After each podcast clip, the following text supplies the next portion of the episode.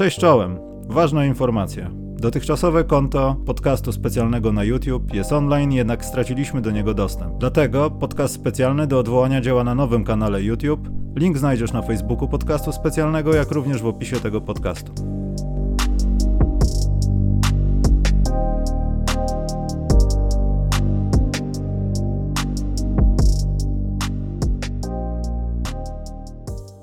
Dzień dobry Państwu. Jesteśmy w przepięknym programie. Karol palcem chce go zepsuć, ale nam nie wyjdzie. To dzień dobry. Będzie dzisiaj unboxing, nie będzie Maćka, dlatego mam brodę, żeby nie było tęskno. Nie wiem, Karol, jest feria tematów.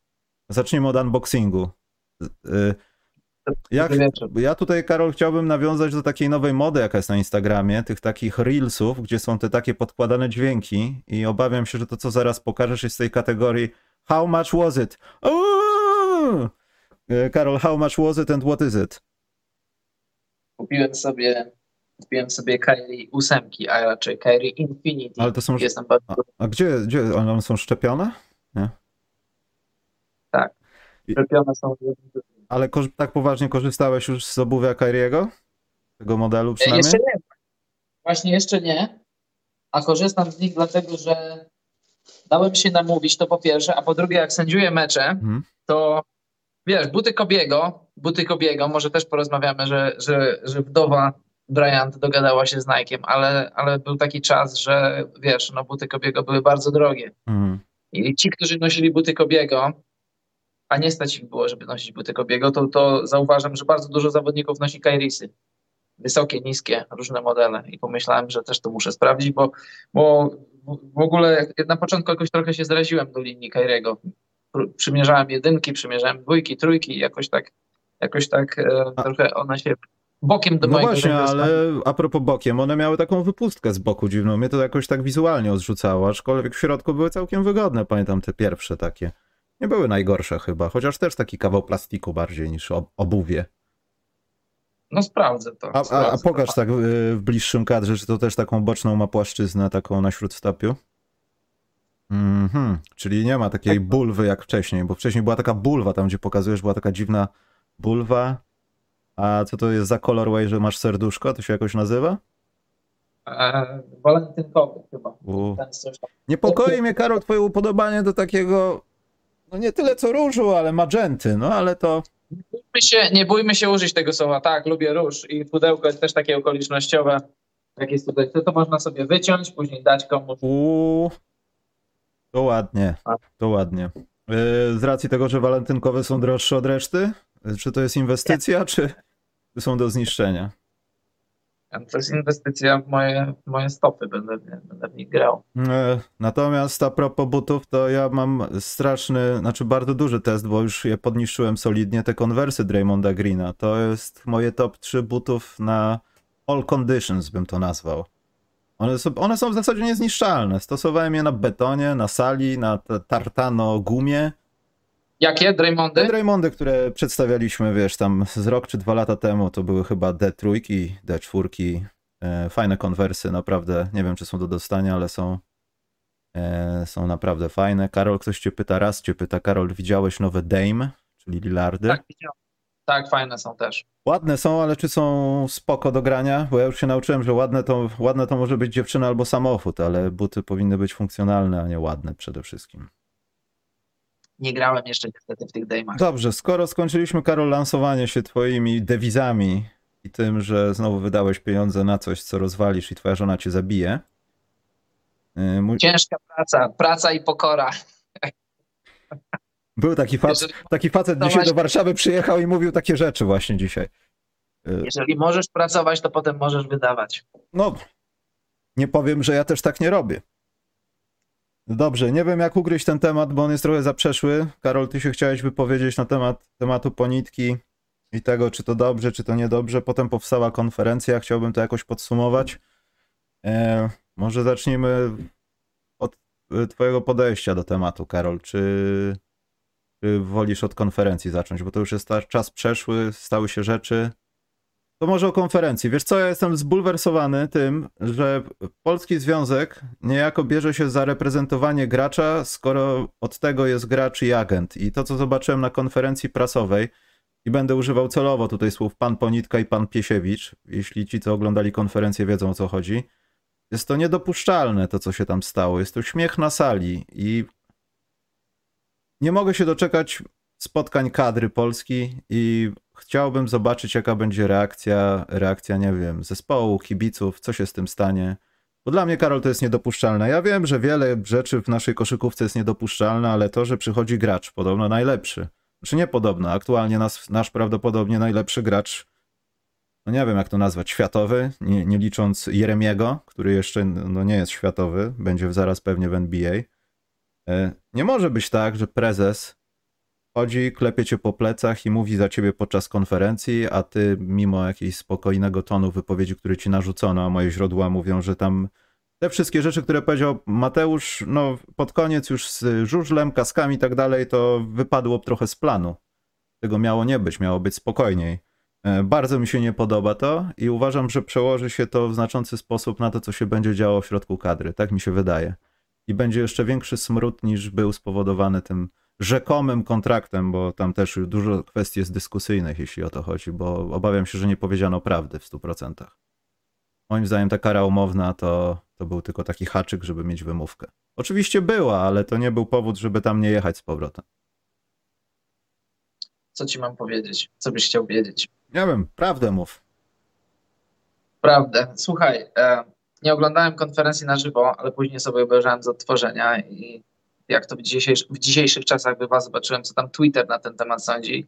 I, I Twitter troszkę moim zdaniem przereagował, bo w gruncie rzeczy ta konferencja nie była aż taka zła. Ona miała kilka kompromitujących fragmentów, które sprawiły, że cała ta konferencja się zrobiła taka. Znaczy, przepraszam, Karol, mówmy się, ta konferencja była potrzebna i absolutnie tutaj nie ma żadnego zarzutu ani ataku. Ona była wręcz wymagana, moim zdaniem, tylko powinien zwołać ją Mateusz, a nie statą przyjść. Jeżeli, jeżeli Piesiewicz był tam potrzebny, to on powinien być ograniczony do minimum a, a widocznie był w takich, a nie innych okolicznościach geopolitycznych. Jest, tam, nie pamiętam dokładnie, zrobiłem sobie parę notatek, ale mam je w domu, a teraz nie jestem w domu. Do pamiętam, nie wiem, której tam 15, 16, to nie jest ważne minuty, to, to, było, to była wzorowa konferencja. Tam, tam Mateusz powiedział, nakreślił szczegóły, jak to wyglądało, jak wyglądało przed wybuchem wojny, jak wyglądało w trakcie, jak wyglądało kiedy wyjeżdżał i kiedy wracał, dlaczego wracał i tak dalej. I tutaj można było postawić kropkę, mm. zapytać publiczność, czy są jakieś pytania i, i ta konferencja byłaby, można by uznać, że była potrzebna i była dobra, ale potem pojawiły się wycieczki w stronę pana Gortata i różne inne rzeczy. I nie chce mi się wierzyć. Nie, nie, powiem, że znam Mateusza, ale z Mateuszem rozmawiałem wiele razy, w tym raz, raz prywatnie spędziliśmy ze sobą popołudnie i uważam go za inteligentnego człowieka, nie jak na sportowca, tylko po prostu inteligentnego człowieka. I, i, i nie chce mi się wierzyć, że ten, ta wycieczka o polskim młocie to, to jest jego dzieło, ale też nie chce mi się wierzyć, z drugiej strony, wiesz co, zastanawiałem się tak, e, jaki interes ma Mateusz Ponitka w tym, żeby dobrze żyć y, z PZ Koszem, żeby dobrze żyć z kadrą. Bo dla mnie, moim zdaniem, to y, ja już, ja już to pisałem i mówiłem wiele razy, to kadry narodowe powinny, że tak powiem, stawać na głowie, żeby, żeby najlepsi zawodnicy nie brakowało im niczego, żeby przyjeżdżali na kadrę, bo, bo w dzisiejszych czasach jest tak, że twój największy dochód, twoja największa praca to jest twój klub. Hmm. Kadra to jest coś dodatkowego, to jest jak tam chcesz wzbudzić w sobie uczucia patriotyczne i tak dalej, i tak dalej, to robisz to i jedziesz na kadrę, ale skoro robisz to, i, I wiadomo, na kadrze też dostajesz tam jakieś pieniądze, może nawet większe niż symboliczne, ale na kadrze nie powinno być tak, że, że ty musisz zabiegać o coś, zabiegać o tamto, zabiegać o coś jeszcze. Musisz przyjechać i nie, żeby ci nie brakowało niczego, bo, bo, poza, bo poza tym, że poświęcasz swój czas dodatkowy, to eksploatujesz swoje ciało jeszcze bardziej, hmm. jesteś kolejne dni poza domem, poza rodziną. To tutaj się trochę zastanawiam, yy, czy dlaczego jest tak, nie wiem, czy w każdej kadrze tak jest, ale w naszej ewidentnie tak jest, że y, nasi zawodnicy, nasi kadrowicze muszą, czy chcą żyć dobrze z prezesem. No albo ze środowiskiem, jasne, no to jest... Albo ze środowiskiem, albo ze środowiskiem, no bo jeżeli jestem najlepszym koszykarzem w kadrze Polski i ja nie muszę się z nikim przyjaźnić, ja jestem Polakiem, chcę reprezentować swój kraj, chcę przyjechać na kadrę i grać. Czy ktoś mnie lubi, czy nie, to mnie nie interesuje, bo jestem koszykarzem. Dokładnie. Prawda? Poza tym dochodzi jeszcze tego typu kwestia, że no tak jak mówię, reprezentacja Mateusza jest niepokojąca, no bo na miłość boską, gdzie jest agent? Gdzie są ludzie ze środowiska, które powinien mieć zawodowy, profesjonalny koszykarz? Ja nie przypominam sobie, żeby Adam Silver e, tłumaczył się za ósme miejsce na Mistrzostwach Świata. Znaczy za ósme, no zagranie o ósme miejsce w zasadzie, no. O ogony No, jakieś. Tak, Nie no to- wyobrażam sobie, wiesz, nagle, nie wiem, Miles Turner stwierdza, że nie gra w kadrze i razem z Adamem Silverem siadają i no, Miles był tak tutaj, a trzeba pamiętać, że Miles Turner od 14 roku życia był na każdym meczu kadry i jako jedyny, jedyny i gdzie był Marcin? Ja już chciałem tam wysłać SMS-a, słuchajcie, wiecie, w NBA był i był w finałach, ale to nie jest ważne. O, to, to, Tak, wiesz co? to wiesz jest co, absolutnie nieważne. to jest w ogóle, tak jak powiedziałem, do 15 czy tam 16, nieważne, do którejś tam minuty oświadczenie Mateusza, okoliczności bycia w Rosji, wyjazdu do Polski, powrotu, y, że to było te mini wakacje, to przecież było oświadczenie klubu, to nie były jego słowa i ten, ten wątek bezpieczeństwa rodziny, ja, ja to, to ja uważam, nie, znaczy nie, nie uważam, żeby kłamał, ja to kupuję i to, to do mnie przemawia. I na tym byśmy poprzestali, bo to reprezentowanie swojego kraju od 14 roku Mhm. życia, gdzie był Marcin. Marcin jest królem Twittera, a, Mateusz jest, jest królem boiska. To jest, to jest powiedzieć żenujące, to jakby nic nie powiedzieć. Trochę zazdrość taka, co? Tak, ale wiesz, to wszystko, to wszystko nie dzieje się w próżni. To nie, dzieje się w oderwaniu od, od rzeczywistości taką, jaką mamy w Polsce. Kim jest Piesiewicz? Piesiewicz jest, nie wiem jak blisko związany, ale w jakiś sposób związany z Sasinem. Y, Prezesem Związku Koszykówki, Pol- Polskiej Koszykówki jest z politycznego nadania. Czy on miał kiedykolwiek coś wspólnego z koszykówką? Nie śledziłem jego kariery, bo mam ciekawsze rzeczy do robienia, ale z tego co wiem, z koszykówką nie miał nic wspólnego, więc no, człowiek, który ma silne plecy, przychodzi do, do, do, do koszykówki i robi, robi swoje rzeczy. No. No tak, ale wiesz, też nie, ja nie jestem za tym może, żeby tak bardzo mocno postęp... Znaczy, ja absolutnie trzeba to... O, właśnie chyba jakiś samolot leci. E, Ten, e, żeby to tak traktować jakoś strasznie brutalnie, no bo co by nie mówić, no ja, ja nie wiem jakby był inny prezes, co by zrobił, no ale co by nie mówić, no te poparcie z różnych środowisk owocuje tym, że są sponsorzy, którzy też są związani ze środowiskami władzy, nie oszukujmy się, no bo Lotto to nie jest firma prywatna, e, Orlen też bynajmniej, e, vouchery na paliwo też nie idą od pana Mirka ze stacji benzynowej e, Jurex pod Radomiem, tylko są z Lotosu, tam skądinąd, nie wiem, już nawet tego przestałem śledzić, Areo Watch i tak dalej, no przyniósł coś do tej koszykówki, jeśli chodzi o ligę, tak? Jeśli chodzi o kadrę, no przyniósł masę memów i wchodzenie do kadry, tak, jedziemy z ch i k, yy, a potem się zorientował, że jest telewizja, także trochę memiczny. Natomiast, no, Nie, chcę powiedzieć właśnie, no wiadomo, tego, tego mu nie można odebrać, że będąc pod parasolem władzy ma, masz łatwiejszy dostęp, na pewno ma łatwiejszy dostęp niż ktokolwiek by nie był na tym miejscu. Może nawet i Gortat, który ma to tak zwane know-how, doświadczenie i ma kontakty y, w świecie koszykówki. Ale no, no nie, nie można powiedzieć, że, że, że nie można te, tego Piesiewiczowi odmówić, że w związku z tym, że ma polityczne plecy, jest pod parasolem politycznym rządu, no to, to łatwiej jest o tego typu rzeczy. No ale to jest takie trochę, jakby to powiedzieć, no coś za coś. no tak, za- no, absolutnie zgadzam się. Tutaj Natomiast, macie chłopaki, proszę bardzo, macie to, to i tamto, ale trzymam was za mordy i, i traktuję was jak, jak przedszkolaków. mm. Natomiast trochę też jest martwiące to takie poparcie, że wiesz, jest, yy, wśród koszykarzy jest wszystko dobrze. Yy, w sumie jest ekstra.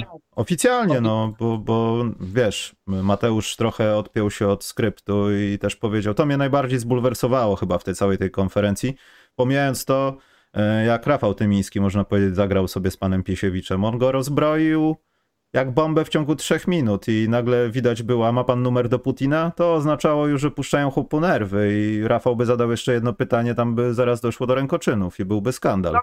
Jest, ja go nie znam osobiście Piesiewicza, ale z tych, tych wywiadów, z tych konferencji, które miałem okazję widzieć, to, to, to jest tego typu człowiek. Ma poczucie tego, że ma silne plecy i on, on sobie na takie rzeczy może pozwalać. Ale Znaczy- słowa pan Waczyński, siedzi Mateusz i mówi pan Waczyński.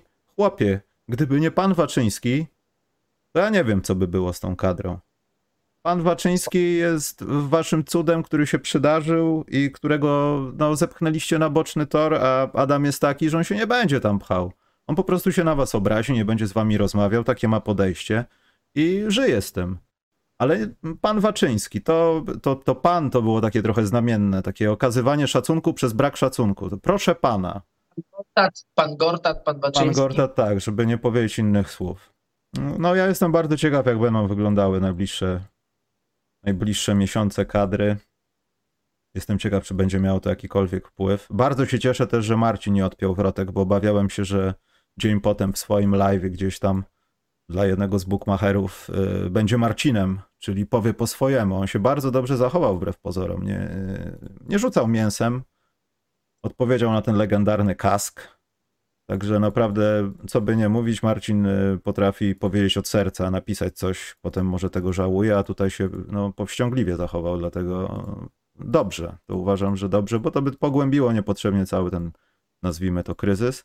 Ale co by nie było, bardzo dobrze się stało, że Mateusz się odkleił od ruskich i już nie ma kłopotu, no.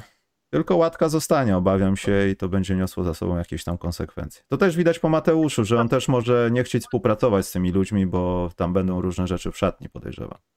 Słuchaj, moim zdaniem nie powinna żadna łatka być, powinno to być Mateuszowi zapomniane, bo to, co, to, co powiedział w tym oświadczeniu, to, to, to trzeba, trzeba, trzeba zrozumieć człowieka.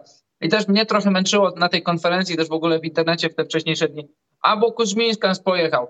Po co, dlaczego nie pojechał i nie został, skoro przyjechał na te mini wakacje, po co mhm. wracał do Rosji i zagrał jeszcze jeden mecz? Jest człowiek, są okoliczności, jest inny człowiek, są inne okoliczności. Z ciekawości sobie zobaczyłem, Kuzmińskans grał dwa lata w Nowym Jorku, zarobił 6 milionów dolarów. Nie wiem, ile z tego wydał, nie wiem, ile z tego zaoszczędził, nie siedzę w niczyjej, nie siedzę w niczyjej kieszeni. Poza tym grał w czołowych klubach w Europie, trochę, pieniędzy, trochę pieniążków ma naskładanych, ma już swoje lata. Mm.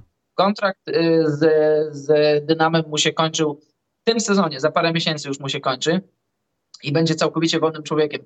Z Mateuszem jest trochę inaczej.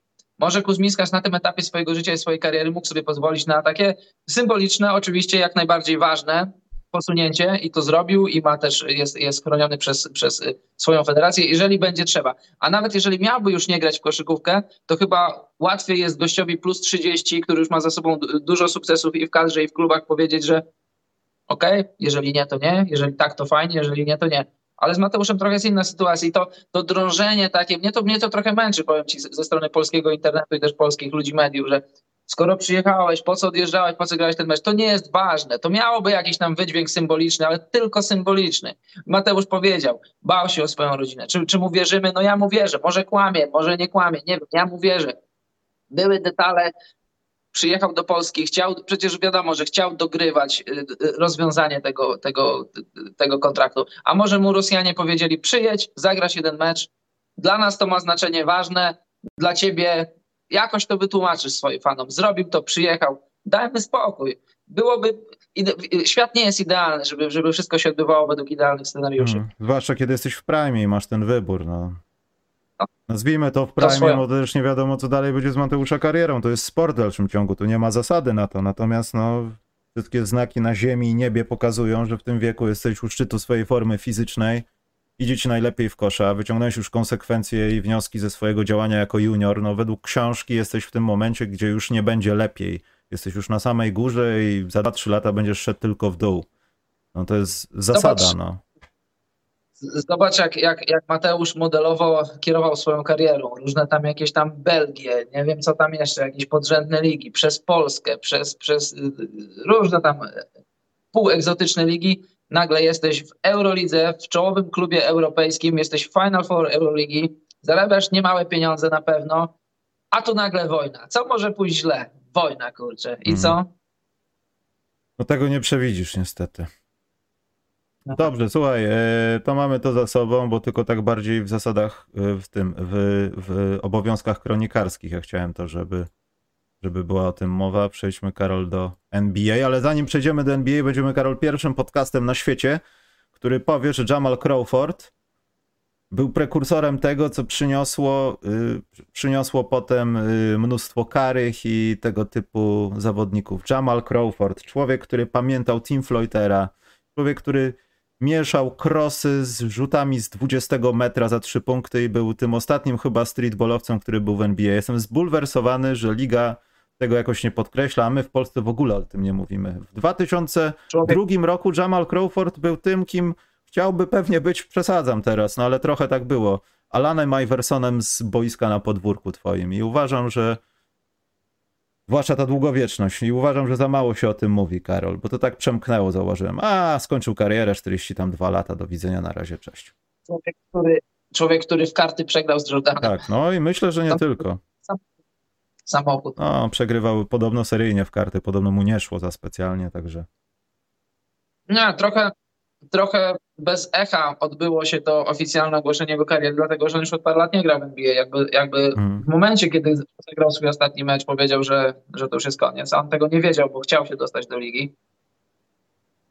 No, ja też, ja też bardzo go lubiłem. Nawet miałem okazję z nim rozmawiać raz albo dwa razy, raz to na pewno. Bardzo, bardzo taki, jakbym powiedział, Zdjęcie masz? no niestety nie, niestety nie, więc się pewnie nie liczy, ale taki, taki koszykarz z manierami, taki, taki bardzo, bardzo taki elegancki, taki w tym, jak się wypowiada, jak traktuje ludzi. Na tyle, na ile miałem, wiesz, na, na tyle, na ile można po jednej rozmowie tak wywnioskowywać. Jamal Crawford, ja to sobie specjalnie yy, nie robię notatek, wiecie o tym. Gardzę notatkami, natomiast yy, tutaj sobie zanotowałem.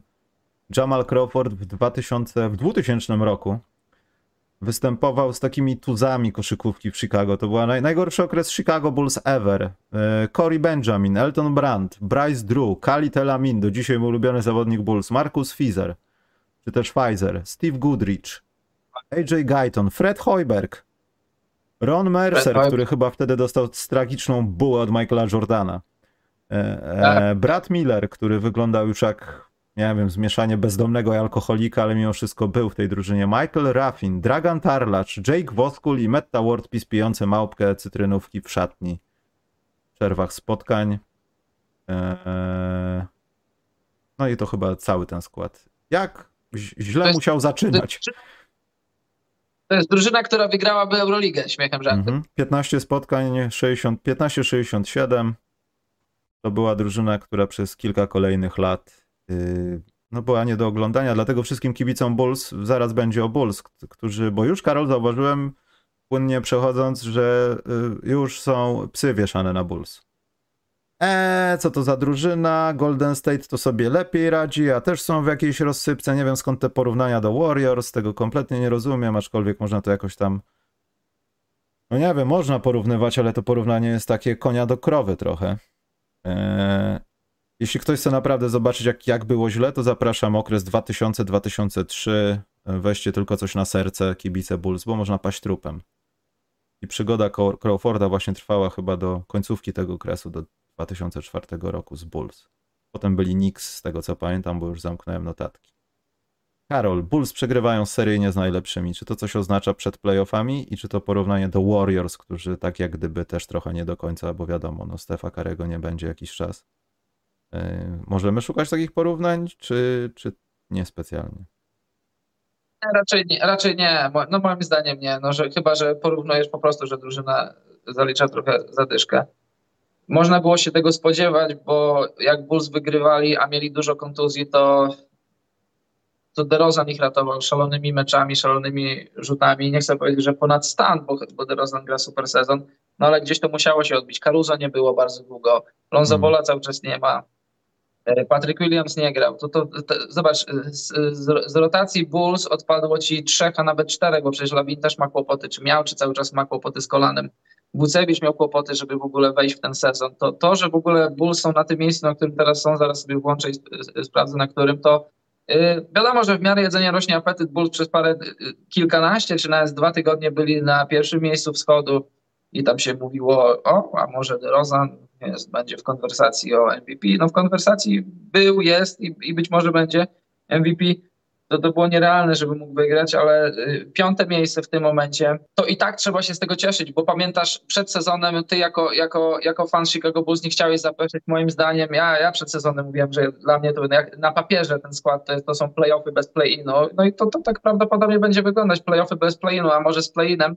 No, gdyby nie weszli do playoffów teraz, no to to wielka tragedia, ale to no tak, to by była wielka tragedia, bo ta drużyna tak, oddała troszkę swojej przyszłości. Oddała dwa wybory w drafcie za Vucevicza. Jednym, jednym z tych wyborów to jest, to jest y, Wagner.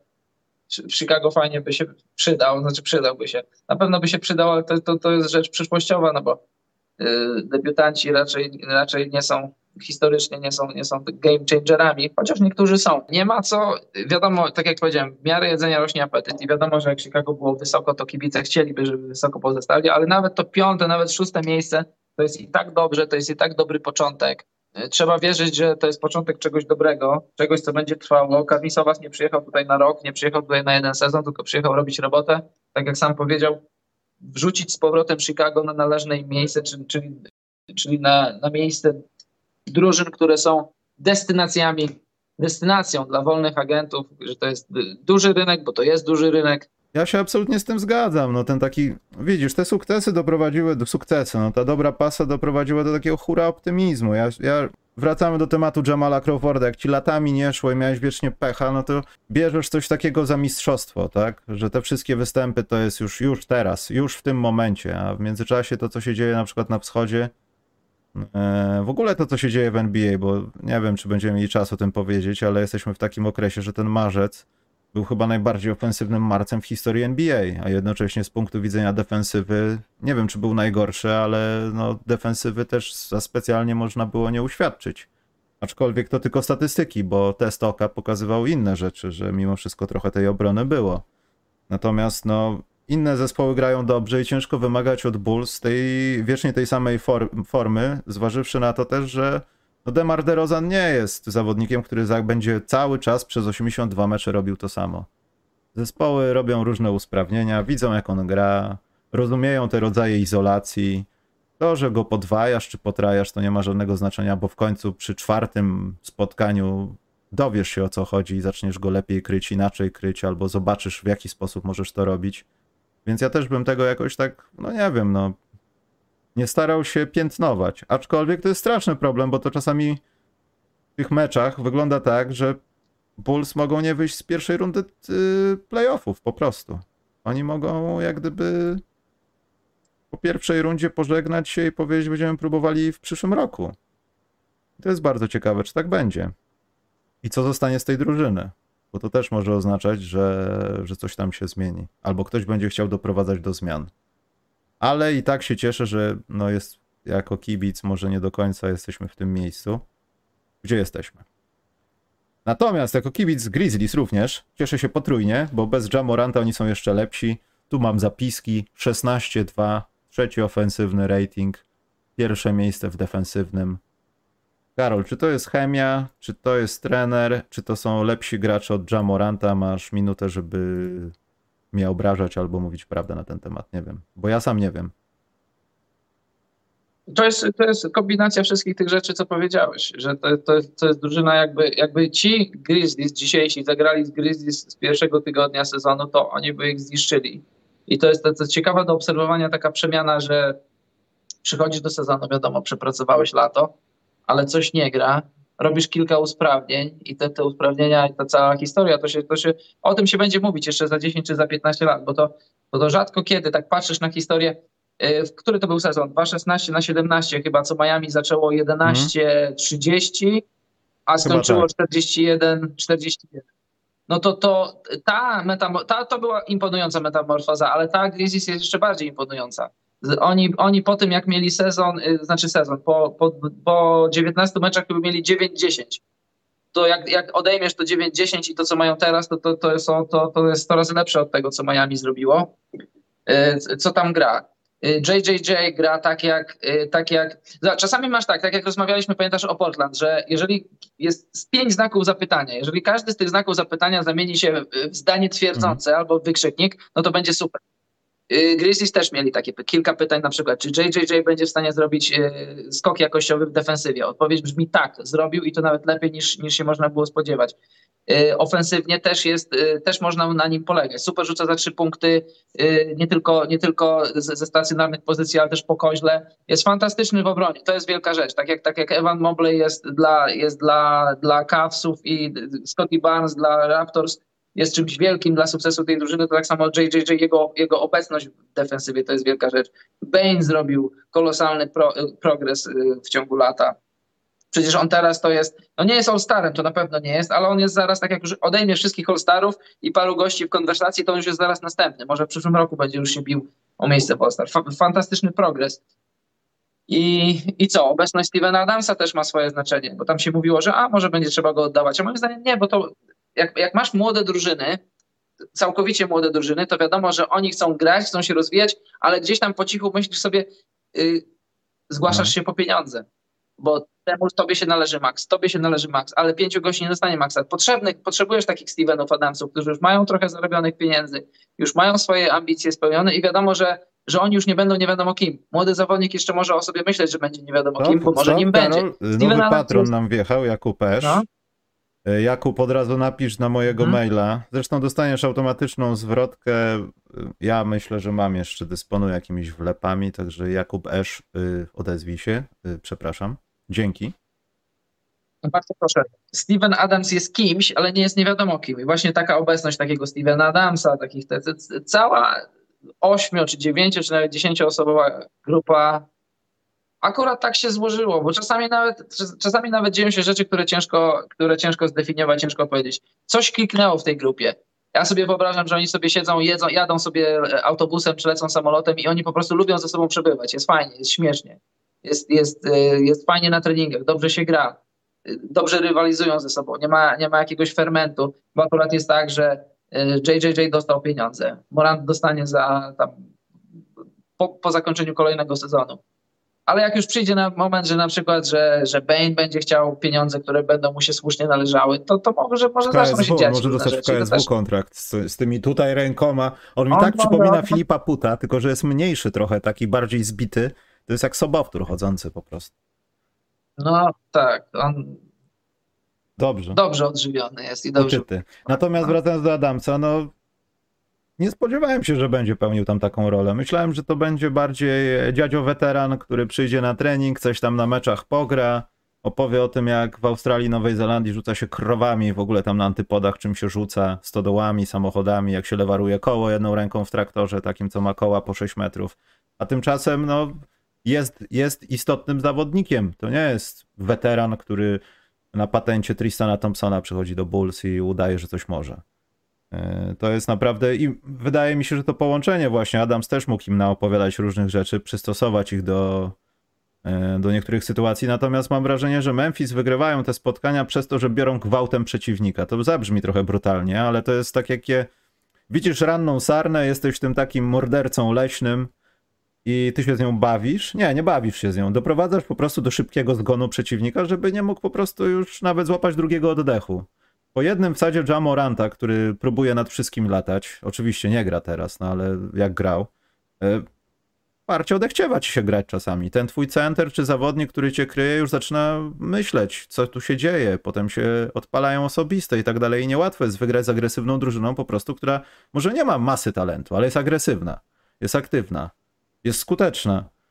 O to właśnie, tak. O to właśnie chodzi. To może być jakiś mały znak zapytania w playoffach, bo jak przyjdzie, przyjdziesz grać z tym samym rywalem co dwa dni, e, trochę, trochę będzie mniej posiadań, trochę mniej akcji i już zaczynasz, zaczynasz, zaczynasz czytać swojego rywala, bo prze, przejść przez sezon to, to jest dla, dla takiej drużyny, oni są po prostu e, atletyczni, dobrze zbudowani, wybiegani, skaczący, głodni gry, głodni sukcesu i przychodzisz na przykład e, nie wiem, tam któregoś lutego, stycznia w meczu, który jest ważny, ale może nie do końca, bo playoffy za trzy miesiące i grasz z takim 30-paroletnim KD, grasz z takim 37-letnim LeBronem i on nie będzie latał za każdą piłką, a taki Bane będzie latał mm. za każdą piłką. I to jest rzecz, że jak nie przyjdziesz, nie, nie wypijesz tych tam, nie wiem, trzech, czterech kaw na mecz, nie przygotujesz się dobrze, a. dobrze się nie wyśpisz, jak, jak będziesz takim LeBronem na, na 80%, no to przejadą się po tobie, będą się z tego śmiać. Przecież był taki mecz przeciwko Lakers, tam chyba Bane czy ktoś powiedział właśnie, że no my się, my się już ciebie nie boimy szanujemy. Tak, nie jesteś żadnym zaskoczeniem, tylko zagrożeniem. To też jest ważne, że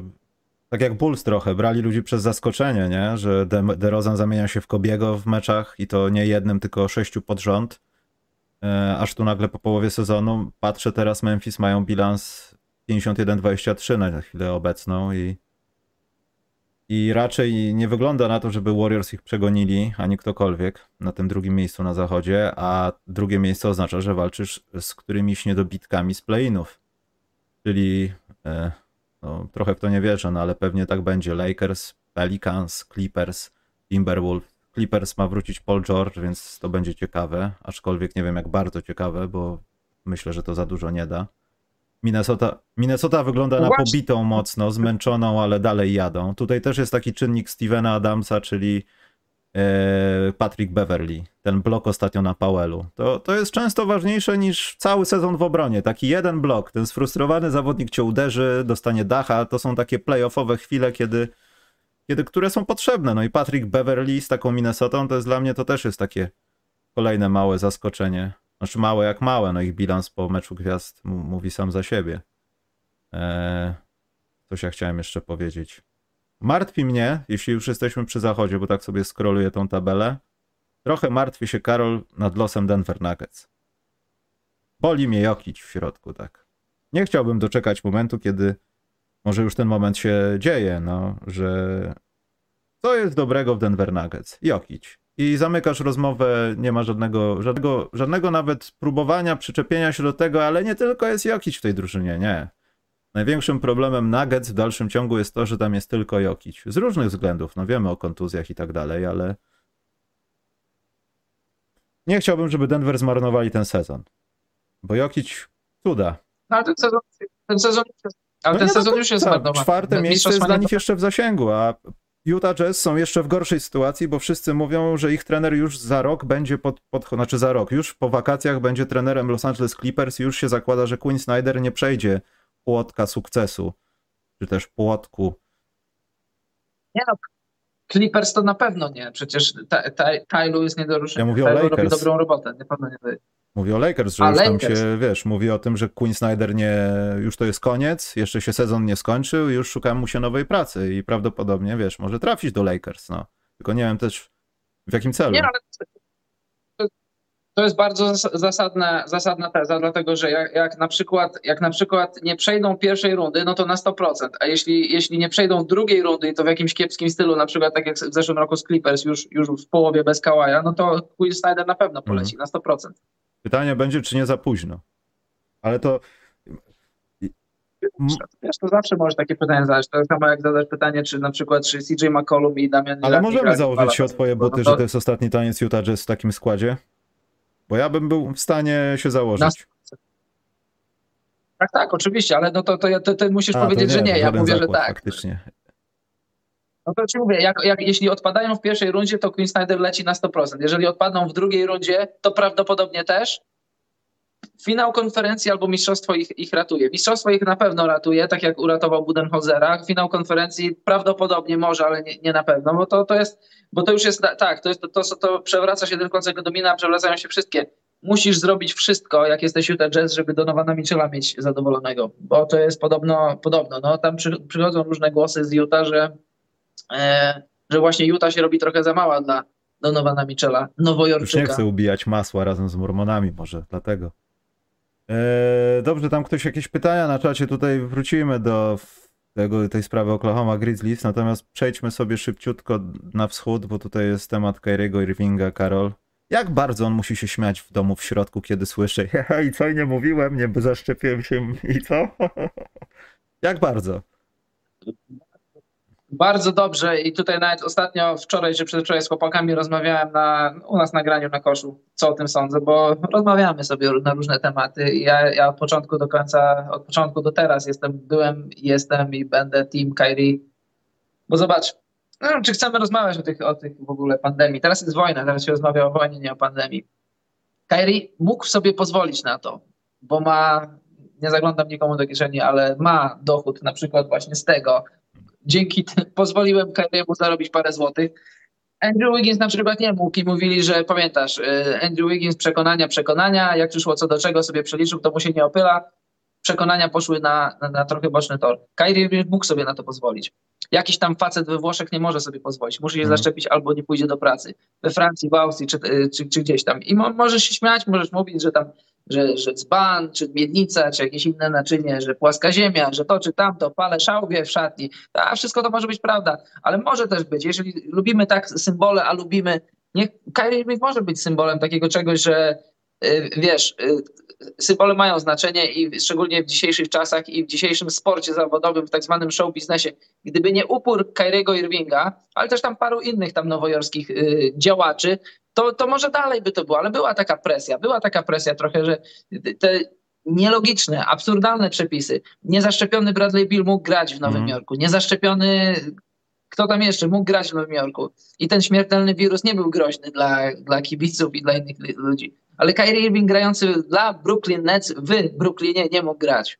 I zamiast piętnować te absurdalne przepisy, to się piętnowało Kyriego Irvinga. No i w końcu na koniec tak, on ma, on się Znaczy, śmieje jako ostatni. Wiesz co, Znaczy, ja, y, y, Parę Oczywiście, mało tego, no, ta historia zatoczyła takie śmieszne koło dosyć, że skład, skład Brooklynu być może obluźnił się o to jedno takie e, ogniwo, które mogło nie pasować Irvingowi. Już nie chodzi o pozycyjność, tylko o to, że Kyrie chyba lepiej gra jak jest Sams plus ktoś, czyli KD, ale jak ktoś jest trzeci, to może nie do końca chcieć się dzielić obowiązkami. Natomiast y, trochę boli brak takiej stanowczości, bo jeśli już powiedziałeś A, to powiedz B. Trzymaj ten przepis do końca sezonu w sprawie tych szczepień, albo go od razu było nie, nie przegłosowywać, nie bawić się w to, wymyśleć jakiś inny sposób. Bo to trochę pokazuje to, że no brak konsekwencji, wiesz, no to już pomijam wszystko, pomijam czy, czy to dobrze, czy źle, no to pokazuje to no taki dosyć słaby obraz no, tamtej nowojorskiej okolicy, no, że wystarczy odrobina presji i wszystko możesz cofnąć, a początkowo rzeczy, które możesz cofnąć są hiperważne i nie możesz ich cofnąć. Minęły 2-3 miesiące, nie ma najmniejszego problemu. I to trochę jest takie, nie chcę powiedzieć głupie, bo wszystko jedno, czy decyzja była dobra, czy nie, no to uważam, że powinna być konsekwencja. Jeśli on nie może grać, to zróbcie tak te przepisy, żeby nie grał powiedzmy do końca sezonu. Bo to też może być trochę niesprawiedliwe wobec innych drużyn. To też stawia ich prawodawstwo i system legislacyjny w jakimś takim chorym położeniu, że najpierw mówicie a, potem a. Trochę mnie bo- boli brak konsekwencji. To jest. No ale tak, tak, y, tutaj rozkładam tak, mówisz słabe, głupie, nielogiczne. Tak, bo takie to Ja było już od pomijam początku. Karol, czy to, To prawda, miało- czy zabija, czy nie zabija, czy szczepić się, czy nie szczepić. Tylko chodzi o bycie konsekwentnym w swoich, nie wiem, decyzjach, przekonaniach, zwłaszcza kiedy jesteś u władzy. No to to jest chyba taki największy problem. To. Ale, ale, ale być konsekwentne, bo ten przepis był upośledzony. Skoro y, ten przepis nie miał nic w sobie, ni- nic w sobie, z, nic w sobie z nauki, y, epidemiologii, biologii, ani, ani zdrowego rozsądku, ani logiki, no bo jeżeli ludzie niezaszczepieni mogli w tym właśnie budynku, w którym, do, do którego Kyrie nie mógł wejść, ci ludzie mogli wejść, mając taki sam status jak Kyrie Irving, to u, u podstaw Mhm. ten przepis nie miał sensu. I, i był nielogiczny. I że ty mówisz, wtedy to jest trochę niesprawiedliwe. No niesprawiedliwe jest to, że, że w ogóle ludzie byli zmuszani do tego. Znaczy nadal są. A, a że to się, no dobrze, że się skończyło. Dobrze, że się skończyło. Jak to mówią, coś się kończy, coś się zaczyna, Karol. Się zaczyna. Zwróć też uwagę na taką rzecz, bo w ostatnich latach, w ostatnich latach Kyrie Irving, jak grał jeszcze w Cleveland, później w Bostonie, na początku w, na Brooklynie, to tak. A to kolano, a to stopa, a to bark. A teraz Kyrie sobie gra. Kyrie Mhm. jest bardzo świeży teraz. Zobacz, jakie on statystyki robi, jak on dobrze gra. To, to, to jest może e, taki trochę przewrotnie, ale taki e, będzie trochę be, No właśnie chciałem to powiedzieć, że w tym kółku historii to, że on sobie wypoczął i pośrednio też skorzystał na tym, że nie, że słuchajcie, ja bym chciał, ale nie mogę, więc co ja mam robić? Potrenuję sobie w ciszy i w spokoju. przystępuje do, przystąpi do playoffów e, głodny gry, ale przede wszystkim świeże nogi przede wszystkim na, na górze Mhm. tego wszystkiego zdrowy. To prawda. No i też Brooklyn znacząco poprawia swoje szanse na dotrzymanie obietnicy swoim kibicom, że przejdą pierwszą rundę playoffów albo zdobędą mistrzostwo. No to jest znaczący zastrzyk energii, ale ucieczka z play-inów może nie być taka prosta. Tutaj Karol, twoje Toronto z Cleveland będą się bili o to, kto wpada do studni, a kto z niej wychodzi. Tak, bo w Nowym Jorku się ociepliło, ale do Toronto nadal nie pojedzie Kyrie. To znaczy może pojechać jako turysta, wolno. ale zagrać nie, nie zagra. tam jeździć. Ale cieszę się, że sytuacja się już zagęszcza w obu konferencjach. E, I jesteśmy coraz bliżej tego obrazu. Dwa tematy, Karol, szybkie. Pierwszy Boston Celtics 17-3 bodajże od dwóch miesięcy. To jest prawda? Czy to jest efekt Demara DeRozana, że Jason, Jason Tatum jest tak gorący i Boston jest tak gorący? Bo tutaj ktoś na czacie napisał o zmianach składu. E, Czekaj. Mm. Właśnie, Celtics to jest metamorfoza. To jest metamorfoza, ale metamorfoza w zasadzie, która przyszła znikąd. Która, nie wiem, przyszła chyba naturalnie, jeśli chodzi o formę i tak dalej, no bo Boston się nie zmienił. Tutaj ktoś słusznie napisał, że wygląda prawie identycznie jak 4 lata temu. No z tym do końca może bym się nie zgodził, aczkolwiek tak trochę jest. Może nie 4 lata, ale ja bym zaznaczył 2 lata, no mniej więcej wygląda tak samo. Ma podobną myśl szkoleniową i podobne zasady w tym, co mają robić. I dla mnie to jest jedno z większych zaskoczeń sezonu, ale nie potrafię tego ocenić, bo trochę widzę tutaj takiego Demara DeRozana i Bulls. Dwa miesiące idzie, ale jak potem przyjdzie co do czego, Jason Tatum jest sam. E, wszyscy go kryją i Brown musi robić inne rzeczy. Nie, wiesz mi się wydaje, że to, że to, nie jest, to nie jest przypadek, że to nie jest jakiś balonik, który zaraz pęknie, dlatego że oni, oni zaczęli dużo poniżej swoich możliwości, dlatego że przychodzi, wiesz jak to jest, Ime Doka w NBA już jest jako asystent z 10 hmm. lat, 9 chyba, 7 w San Antonio, rok w Filadelfii i rok na Brooklynie przychodzisz jako, jako, jako główny trener i masz głowę pełną swoich idei, tu, tu brałeś trochę od, od Popowicza, tu kogoś innego, myślisz sobie, ja to zrobię tak. No i robisz rzeczy po swojemu, pamiętasz, on w obronie, on wszystko switchował, nawet Ala Horforda z, ze Schroederem. I to przegrywali, bo to nie miało racji bytu. Miało swoją filozofię, która mogłaby się sprawdzić w Milwaukee, w Toronto, w drużynach, które są mniej więcej zawodnicy tam od 2-3 do 2 To Switch Everything przypominało taki basket sprzed dwóch lat, jak pamiętasz, yy, Boże, Harden gra przeciwko Karemu, już w połowie boiska wiadomo, że będzie switch, to nawet nie stawiamy zasłony, tylko sobie się zamieniamy, wiesz, to było takie trochę opóźnione, no. Tak, czasami to nawet bez sensu, bo to wiadomo, przecież y, no wiesz jak to jest, y, przecież czasami nawet akcja nie wymaga, nie wymaga od tego, to mówię, dobra, tam tak. już nawet z zamkniętymi oczami switchują, ale nie musimy, no to oni tak I podczas switchowania ten, co atakuje, rzeczy. nawet nie atakuje, bo czeka na nadchodzący switch, który ma nadejść, żeby on był i potem ja wchodzę pod kosz, coś takiego nawet w zasadzie, w zasadzie zawodnika z piłką można by było zbić z tropu nie switchując. Co tu się dzieje? Ja tu czekałem na nie, nie, ma. No to i właśnie tym sobie na, na, na przegrywali sporo meczów. Później Imeldoka poszedł po rozum do głowy, to znaczy porobił parę usprawnień i to, to, jest, to jest wypadkowa tego. Wiadomo, że, że też e, przyjście, przyjście Derricka White'a, odejście Schroedera. Wiesz, ja, ja nie jestem fanem koszykówki Schroedera, bo to jest, taka, to jest taki e, dobry zawodnik w słabych drużynach, dobre statystyki w słabych drużynach. No wprawdzie dobry miał sezon z Chrisem Polem w, w Oklahomie, ale to, to moim zdaniem taka, taki trochę wyjątek od tego, kim jest Dennis Schroeder. No i jak odszedł, to tak, y, usprawnienia Udoki, odejście Schroedera, przyjście Derricka White'a, y, tych kilka takich wewnątrz drużynowych spotkań pod przewodnictwem Markusa Smarta za zamkniętymi drzwiami, to też jakieś tam znaczenie miało. No i, i wiesz, wejście, wejście tej Tuma na taki już absolutnie all-NBA poziom, bo to on pierwszy miesiąc, dwa czy nawet trzy to miał jak na, jak na siebie niezłe, nawet bardzo dobre. Wielu koszykarzy by marzyło o czymś takim, ale to, to, jest, to nie jest jego półka. Jego półka jest wyżej. On teraz gra na tej swojej półce. To jest All NBA moim zdaniem bez problemu. Czy drugi, pierwszy nie, ale drugi albo trzeci skład prawdopodobnie się załapie. I to jest to, czy to pęknie. No moim zdaniem nie pęknie, bo to ma silne podstawy, to, to ma mocne podstawy. Może dobrze się zdarzyło dla Bostonu, że były te dwa słabe miesiące, już Udoka wie, jakich rzeczy nie robić, jakie rzeczy może robić, jakie rzeczy powinien robić z tym składem. No moim zdaniem Boston, Boston będzie, będzie groźny w playoffach, bo, bo wszystko, wszystko u nich zaczyna się od dobrej obrony. Jak, jak, co drużyna może zrobić, jeżeli nie może zdobywać znaczy to, Znaczy to też jest trochę tak, że przynajmniej sprawia takie wrażenie teraz, że Tatum jest takim zawodnikiem, u którego to nie jest tak, że bierze piłkę w ręce i zaczyna atakować strzelając do tego przeciwnika jak z broni palnej. Nie, najpierw dzieją się pewne rzeczy w obronie, a potem w konsekwencji tego Jason Tatum zaczyna się uruchamiać. On nie potrafi być takim zawodnikiem, który rzuci 40 punktów pod rząd, a potem dobra, chłopaki nie bronimy, bo i tak jest 40 do 2.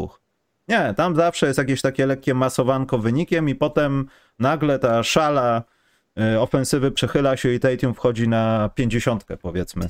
I tu też gra pewnie ten marzec i ta cała ofensywna statystyka tego, że to jest najlepszy w historii, bla bla bla. O to chciałem spytać, no. Po, nie, poza tym Smart słusznie zauważył, że, że w ogóle teraz to oczywiście, teraz to się zmieniło i Tatum i Brown podają, ale było tak, że to, to było dosyć brzydkie, to się ciężko oglądało jak, jak szczególnie Tatum, ale Brown też, jak dostawali piłkę, to już wiadomo, wiadomo było, mogłeś zakładać, że ta piłka już mhm. od nich nie wyjdzie. Te, te, te hero rzuty, jak w highlightach jak to wpada, to później pięknie to wygląda, o jaka praca nóg, jaki rzut, rzut odchylenia, ale jak, jak grasz z takimi ludźmi, to jest męczące, jak jesteś takim smartem, czy jakimś Alem Horfordem, to już wiesz, że po pierwsze decyzyjnie to jest zła decyzja, po drugie to jest takie demoralizujące, bo już staramy się w obronie, robimy te, takie rzeczy, a daj, podziel się tą piłką, podaj, daj sobie rzucę. Horford potrafi rzucić, Smart też potrafi rzucić. To się trochę zmieniło. To, to, to na pewno to, to pod względem szkoleniowym jest dobre, pod względem e, skuteczności jest dobre, ale też tak podnosi morale. Wiadomo, że jak, jak cię podwoją, to dostaniesz piłkę. Bądź gotowy. To się zmieniło, to się no bardzo przede wszystkim zmieniło. wychodź na pozycję, bo to też się wiąże z tym, że jak już kilka posiadań, nie dzieje się nic, no to To jest NBA, wiadomo, ty zawsze musisz być gotowy, ale już mniej odważnie biegniesz backdoorowo, żeby z tyłu, bo ci wiadomo, że ten ham ci nie Tak, poda, bo przecież jest wizo i do widzenia. No. Właśnie, ale właśnie o to chodzi, że budujesz się w defensywie, a y, napawawszy się tą dobrą defensywą, idziesz do ataku i śmigasz, biegasz, ruszasz się, bo wiesz, że ten Jason Tatum, jak wyjątkowy by nie był, to może ci kiedyś, kiedy? No regularnie ci teraz będzie podawał. Kiedyś może ci by podał, a teraz ci podaje regularnie. będzie pierwszy na wschodzie, Karol? Czy to będzie Miami, w którym jest chyba lekki meltdown, bo ja przyglądałem się tej, temu konflikcikowi haslem. Miami, Miami to tak wygląda, jakby nie chciało Ale tego mają pierwszego wyjście, miejsca, bo tak, no. y, przegrali, przegrali z Filadelfią bez Embida i, z Hard- i Hardena, przegrali z Golden State bez, bez nikogo, Tak. bo oni tam przyjechali w, w Randla. przegrali i przegrali z, z Knicks przegrali, I to tam to już jest w jeszcze ogóle jakaś porażka. sytuacja, Z to ten Quickley chyba no, zmasakrował ich w trzeciej kwarcie, no to, to po prostu jak... Ach, 20. O, coś no, cie- ciekawe, czy oni, czy oni, no bo zobacz, jak masz, y, wygrasz, niby wygrasz wschód, a jeśli, jeśli za to nagrodą będzie granie Skyrim z KD i być może z Simonsem, no to co to za, ja Jest dziękuję za taką nagrodę. Ale sytuacja wygląda tak, że ja już tam nie chcę się zagłębiać w tiebreakery, bo na pewno jakieś już się potworzyły, natomiast Boston, Milwaukee, Philadelphia, Miami to są drużyny, które między sobą mają po pół spotkania, pierwsza z czwartą ma jedno spotkanie różnicy i to będzie, no zwłaszcza jak Boston jest teraz na fali pięciu kolejnych zwycięstw, to będzie naprawdę ostry bój, bo zdaje się, że Bulls to już wypadli z tego obiegu i e, mogą wpaść do studni z play-inami, ale to będzie naprawdę ciekawy wyścig i mam wrażenie, że paradoksalnie Milwaukee chyba najmniej na tym zależy, żeby tam wejść na pierwsze miejsce. Natomiast Miami, ja czuję meltdown, Karol. Ja czuję, że Jimmy Butler chyba znowu. Ja wiem, że Haslem nie jest zawodnikiem pierwszej rotacji, jest dobrym dziadziem, który ci tam opowie, weteranem. Szacunek dla niego, że i tak chce się bawić w takie rzeczy. No ale ja na tym timeoutie widziałem Erika Spolestre, który rzu- rzuca deską i gdyby go nie zatrzymali asystenci, to on by lał Jimmy'ego Butlera, on by w niego wsiadł, dosiadł, jakaś balacha, liczenie, sędzia klepie i jest koniec. W oktagonie wszystko jest rozegrane. W ogóle śmieszne w tej sekwencji jest to, tam jest dużo śmiesznych rzeczy, ale e, Spolstra podnosi swoją deskę teneską tylko po to, żeby nią Ale tam piznąć. y, są nagrania z załapki i tam naprawdę idą takie słowa, że wygląda na to, że No. Jimmy Butler czegoś nie zrobił, albo powiedział, albo zrobił coś za dużo, bo haslem od razu Coś- I'm going to whoop your ass. Come on, Tak. I'm going to whoop your ass. Jest w ogóle. e, e, PJ Tucker siedzi z boku i on chyba usłyszał to, co mówi Jimmy Butler i się odwrócił i że jeju. Coś chyba Oj, po mamach było tam jechane troszeczkę. No ale to jest niebezpieczny meltdown. No ja, może to jest kwestia tego, że sezon jest długi i panowie mogą być są zmęczeni albo pokłócili się o frytki, ale to jest mocno niepokojące. No zwłaszcza kiedy Miami jest pierwsza na wschodzie i zamiast spokojnie doczekać swojego losu, pierwszy czy czwarty, czy drugi, czy trzeci, to zaczynają się dziać rzeczy, a jednocześnie też nie widać po grze, po tej całej awanturze w, w, w Miami, żeby działo się coś strasznego, aczkolwiek ten ostatni mecz z Nowym Jorkiem dziś w nocy, bodajże, tak? Dziś w nocy, czy wczoraj w nocy? To, to, to było niepokojące zdrowo. A Wiesz, może nie do końca. Pamiętasz też, y, y, z Polstra y, z Bara dostał od Lebrona i też tam się ludzie zastanawialiśmy się, czy coś to oznacza, czy, czy, czy go zwolnią. A tu zdobyli dwa mistrzostwa, no wprawdzie na ile tam, trzy czy cztery, cztery próby, no ale dwa mistrzostwa to są dwa mistrzostwa, nie, nie jest łatwo. E, chciałem jeszcze zagaić na temat z, Le, tego Lebrona, Zajona, bo nie wiem dalej, co mam o tym myśleć. Czy to jest akt głupoty z tym wsadem, Karol? Czy media kłamią? Na wojnie Bo prawda wiesz, umiera jako pierwsza. Zion, no też nikogo trochę, no bo nie mamy żadnego potwierdzenia, co z nim będzie dalej, a tutaj widzimy jak w dresiku, ważąc, no gruby jest, trzeba przyznać, jest gruby, a odrywa się tak, jak ja w życiu bym się nie oderwał, lecąc z Pałacu Kultury na główkę. No, czyli to pokazuje, wiesz, to nadal pokazuje, że to jest, to, to, jest nadal wybryk natury fizycznej, nie zapominajmy o tym, ale też, że to jest jeszcze długa droga, no bo tak stacjonarnie skakać, to wiesz, ja ci nie będę mówił, jak się robi wsady pod nogą, bo jestem teoretykiem No w tych tutaj, no sadach ale też jestem teoretykiem ale- wszystkich. Pod nogą, za plecami to jest teoria. u mnie. skoro, skoro lekarz pozwolił, że może sobie spróbować, to sobie spróbował, a to, to, nie- to nie oznacza, że to, jeszcze, to, to jest jeszcze do, do grania. E, dobrze, zaraz przejdziemy do pytań, ale ja mam dla Maćka, może Maciek będzie nas oglądał albo ogląda, mam dla niego specjalną wiadomość. Kate Cunningham ma takie statystyki w marcu, e, jakie miał tylko jeden zawodnik w historii NBA. czyli co najmniej 20 punktów, 7 zbiórek i 7 asyst. Karol, jaki to był koszykarz? Nie. LeBron James pewnie. Oczywiście, że tak. Michael Wszystkie Jordan. statystyki, które są zajebiste, równają się zawsze do Michaela Jordana. I właśnie w tym przypadku Kate Cunningham z drużyny, która już dawno nikogo do playoffów, właśnie to osiągnął. Dlatego specjalnie trzymałem to e, na okazję właśnie dla Maćka, żeby zrobić mu przyjemność. Dobrze, czekaj, zerknę na pytanka, bo Kurczę, mam tutaj mały kłopot, bo mi się komórka nie chce ładować od jakiegoś no to czasu. może stąd te skoki takie masz. A mam tylko 1%. A masz kabelek? Dlaczego ci się nie chce ładować? Ale może do prądu podłącz. To jest najlepsze rozwiązanie, Karol, kiedy coś się rozładowuje. Podłączyć to urządzenie do prądu. Przynajmniej tak mówią. Teraz to w ogóle mi się z poziomie zrobiłeś. Niedobrze mi jest. O! I Karol zdaje się właśnie stracił prąd. Dobrze, to Poczekam aż Karol zadzwoni. Ja do niego zadzwonię. Zaraz będą pytanka. Poczekajcie.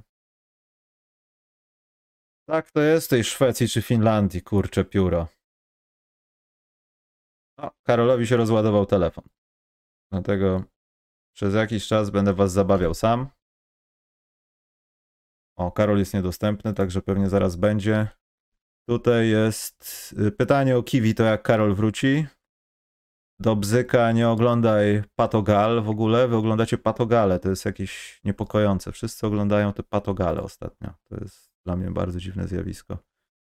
E, Raz pyta, czy oglądacie NCAA? Holm, Holmgren będzie z jedynką, kto jak nie on. Wydaje mi się, że Holmgren chyba jest numerem jeden. Zależnie od tego, kto będzie jedynką, bo ja nie wiem, czy jakikolwiek zespół będzie brał zawodnika typu Holmgren tylko dlatego, że on jest taki, jaki jest. Wszyscy wiedzą, jaki jest długi, chudy i perspektywiczny. E, Natomiast jeśli ktoś już ma długiego, chudego i perspektywicznego, może nie chcieć następnego, ale ja myślę, że może pan Paolo e, o tą jedynkę powalczyć. Aczkolwiek tu by się przydał Maciek, żeby to jakoś lepiej przedstawić, dlatego może w przyszłym tygodniu się zajmiemy tym, co przynios- przyniosło nam March Madness, bo się wtedy chyba skończy. Marek Ławrynowicz pytał, jak już mowa o Memphis, ostatnio była sytuacja, że OKC i Grizzlies wyszli na mecz w białych koszulkach. Odpo- opowiedzcie, jakie są przepisy w tym zakresie, jakie procedury. No wydaje mi się, że NBA pomyślało, że one się jednak delikatnie czymś różnią, jeśli chodzi o odcienie barwy czy tam wzorki. A że tak wyszło w terminarzu, że, że ci mają grać w jakichś tam historycznych City Edition. Nawet nie pamiętam, jakie to były koszulki, no to liga dopuściła do czegoś takiego. Aczkolwiek, no sędzia, a przede wszystkim zawodnicy mieli naprawdę straszny kłopot z tym, żeby, żeby się ogarnąć jakoś, w sensie wiedzieć do kogo się podaje. E, Poczekajcie, spróbuję do Karola zadzwonić. O, jest aktywny Karol. Kiedy powrót kącika językowego Karola? Ja sobie wypraszam. Kącik językowy nie był tylko Karola, to był nasz wspólny kącik. Tyle, że wyczerpała nam się formuła, już, już nie mamy kogo pouczać. Wszyscy ludzie mówią doskonale po polsku. Także ten kącik już się wyczerpał, wyczerpał, natomiast y, kącik co nas wpienia chyba zostanie reaktywowany od następnego y, programu. A, właśnie, bardzo ważna informacja. Oprócz tego, że, że radzę wam dobrze, żebyście subskrybowali ten nowy kanał, y, decyzja chyba, patrzę na kalendarz, no nastąpi do końca marca. Opcje odzyskania starego konta i dostępu do niego się zawężają jak trasa łazienkowska w Warszawie. Kto wie, jak wygląda teraz remont trasy łazienkowskiej, ten zrozumie ten żart. E, Chyba przeniesiemy wszystko, no ja przeniosę wszystko na ten kanał i będziemy starali się po prostu zrobić z tego kanału tamten kanał. Będę sukcesywnie wrzucał wszystkie treści. E, No bo sytuacja jest taka, że Google nie jest w stanie stwierdzić mojej tożsamości, mimo że nawet są programy z moją twarzą, z Wojtkiem e, i tak dalej. Także sytuacja jest dosyć komiczna. Aczkolwiek, no, jeszcze daję kilka dni na, e, na załatwienie tego z dwóch, że tak powiem, kontów, bo jeszcze staram się rozmawiać z ludźmi z Google'a, z Polski i z jedną osobą, która może jeszcze będzie mogła pomóc, ale no, tak jak mówię, no, chciałbym to rozwiązać do końca marca, bo to też nie może trwać w nieskończoność, że ja będę czekał e, i się potem okaże, że nie wiadomo po co i mogłem wszystko zrobić wcześniej. O czym mówiliśmy, Karol, przed wyrzuceniem? Nie pamiętam. Ja też nie za bardzo, bo prowadziłem e, recital solo. Mam dla was niespodziankę. Przyjdzie Maciek i na 5 minut opowie wam o Czycie Holmgrenie i o wszystkim, co nas w ogóle nie interesuje, bo mnie szczerze mówiąc March Madness w tym roku nie interesuje, a wiem, że tam się dzieją rzeczy, Cinderella Run, mnie to kompletnie nie obchodzi. E, Karol, było pytanie, jak doprowadziła NBA do takiej sytuacji, że OKC i Grizzlies mieli podobne koszulki? Ja odpowiedziałem w to tak, że nie były do końca podobne, ale faktycznie mogły powodować kłopoty, jeśli chodzi o podawanie do kolegów. Kierownik drużyny zepsuł. Tak, ale to nie myślisz, że co? To nie było ustalone, że jedni byli w City Edition, drudzy byli w domowych i coś się komuś w rozpisce popieprzyło? Coś tak- tam się komuś pomyliło. Nawet, nawet w NBA się zdarza, może się pomylić. Bo żeby w NBA coś się policzy. A, i Karol, dotarliśmy, że twoje buty nie są różowe. A jakie? Fuksja. To jest właściwy kolor. Dla mnie magenta, Jeden? fuksja, różowy jest taki sam. Moi drodzy, Maciek wchodzi. Karol, masz jakieś pytania dotyczące NCAA do Maćka? Nie. Przez 5 minut Maciek będzie nam opowiadał o NCAA. Nie wiem dlaczego. Ja się na to zgodziłem, ale z racji tego, że obiecałem mu, że ma być, miał być wczoraj, będzie dzisiaj. Poczekajcie, namierzę go. Ty, Karol, powiedz coś wesołego. No właśnie nie, boli mnie, boli mnie. Boli mnie ręka, to było hasło w kręgu obfitości. Boli i to było mnie. Nie mnie, tylko mnie. Boli mnie. No boli mnie, właśnie, coś sobie naciągnąłem. Stary, wesoły miech. Młodsi już nie będziemy niestety. Ja jestem w wieku bardzo dobrym. Poczekaj, Maciek, bo cię na szczęście nie widać. Ale już cię widać. O ja ze swojego bunkra. Zboczeńców z NCAA. Maciek, dlaczego mi się uciekasz? Cześć Maciek. Cześć Michale. Cześć Michale. Tu pytanie jest do ciebie, Maciek. Od razu jest twar, krótka piłka, Maciek. Od razu jest. Czy oglądacie NCAA? Wiadomo, że ty się lansujesz, że oglądasz, jesteś wielkim znawcą. Czy Chad Holmgren będzie jedynką w drafcie? Kto jak nie on? Gdybyś zobaczył jego statystyki same, bez, nie widząc jego ciała, tego jak wygląda, że jest biały, waży 85 kg, e, przy swoim wzroście, wzroście tam 215 cm, to gdybyś nie wiedział tego, jak on wygląda, tylko zobaczył same jego statystyki, to byłoby, byłby pewną jedynką. W ogóle nie, byłoby, nie byłoby dyskusji, to byłby gość, o którym w ogóle nikt, nie, by- byśmy mówili o najlepszym prospekcie od czasów, nie wiem, Davisa albo Kevina Garneta nawet, to jest ten poziom jakby statystyk, który on generuje. Problem, mam, problem jest e, w tym jego wyglądzie, w jego masie, w jego ciele, gdzie Chet jest, y, mówię, 215 cm wzrostu, tam 200, czy tam 213, co prawda prawie 230 cm wingspanu, ale za to 86 kg wagi. Nie wiadomo ile on tej wagi złapie, ponieważ on nie ma jakiejś szerokiej ramy, nie ma ciała tak zbudowanego, że wydaje się, że tam będzie ja to nabierał znam, tej masy kurde. bardzo dużo. On wygląda jak y, Jak ty, jak Michał. Nie, Michał to przy nim jest y, koksem. Michał przy nim jest koksem. Jego, myślę, że Michał se waży więcej od Czeta Holmgrena. Mimo tego, Ja, ty moi drodzy, wczoraj miałem 25 miesiąc ćwiczeń i myślę, że ja już mogę prać na brzuchu. Tylko, że to jest taki brzuch z Etiopii jeszcze, nie? Bo są kłopoty kaloryczne, bo nie potrafię żreć na zawołanie, zwłaszcza rzeczy, których nie lubię i to jest największy problem. Ryż i ryba dla mnie to jest, skończy się wiadrem. Michał, u chudego krata się nie liczy, przepraszam cię, ale u Jesteś chudego krata się nie ulanym liczy. To jest od grubasem, który ma kompleks, ale kontynuuj, proszę bardzo. Ja jestem ulanym grubasem, teraz z tym nie dyskutuję. U, mnie na brzuchu mógł być generalnie co najwyżej bardziej z Nawet wyglądu nie bułka chciałbym. paryska, a nie kaloryfer. E, w każdym razie e, jest Nie. To od, razu, od, od razu z innymi częściami ciała mogę pokazać, ale to jak już będzie mógł tego, to. Tak jest. Wprowadzasz pay-per-view.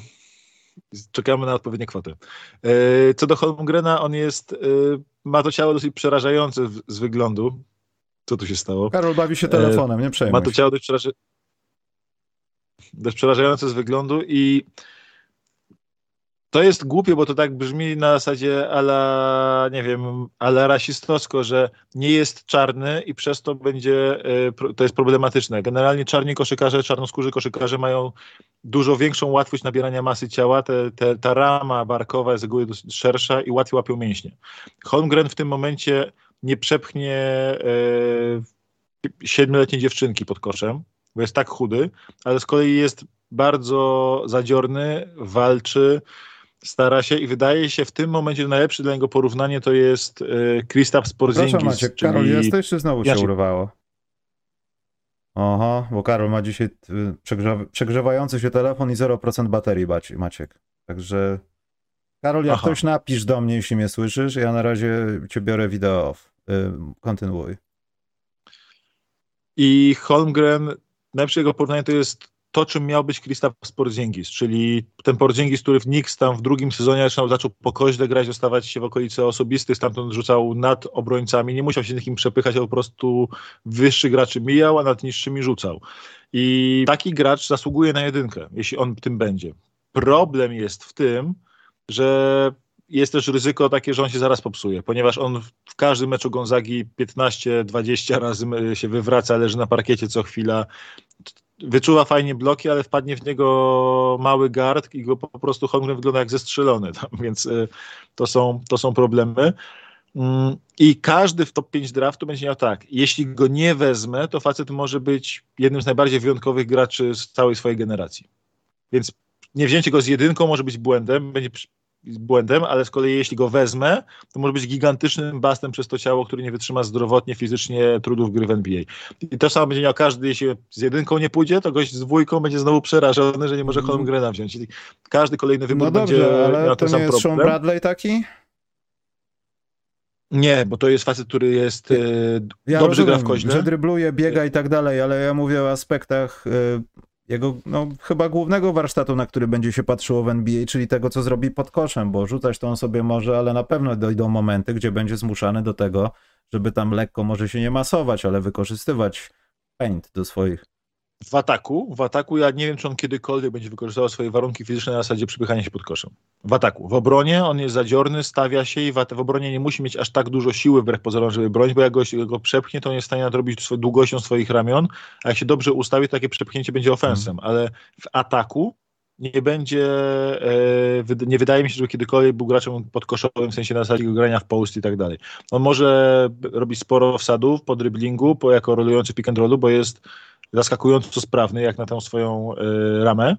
E, może rzucać trójki, może po koźle mijać wysokich i, nad nim, i rzucać po prostu takie e, pull-upy a la Porzingis właśnie z tego swojego drugiego, trzeciego sezonu, ale nie będzie gościem, który ci będzie, weźmie po switchu małego garda i tam go w post przepchnie. On ewentualnie sobie go ustawi tak, żeby nad, nad nim rzucić z 4-5 metrów.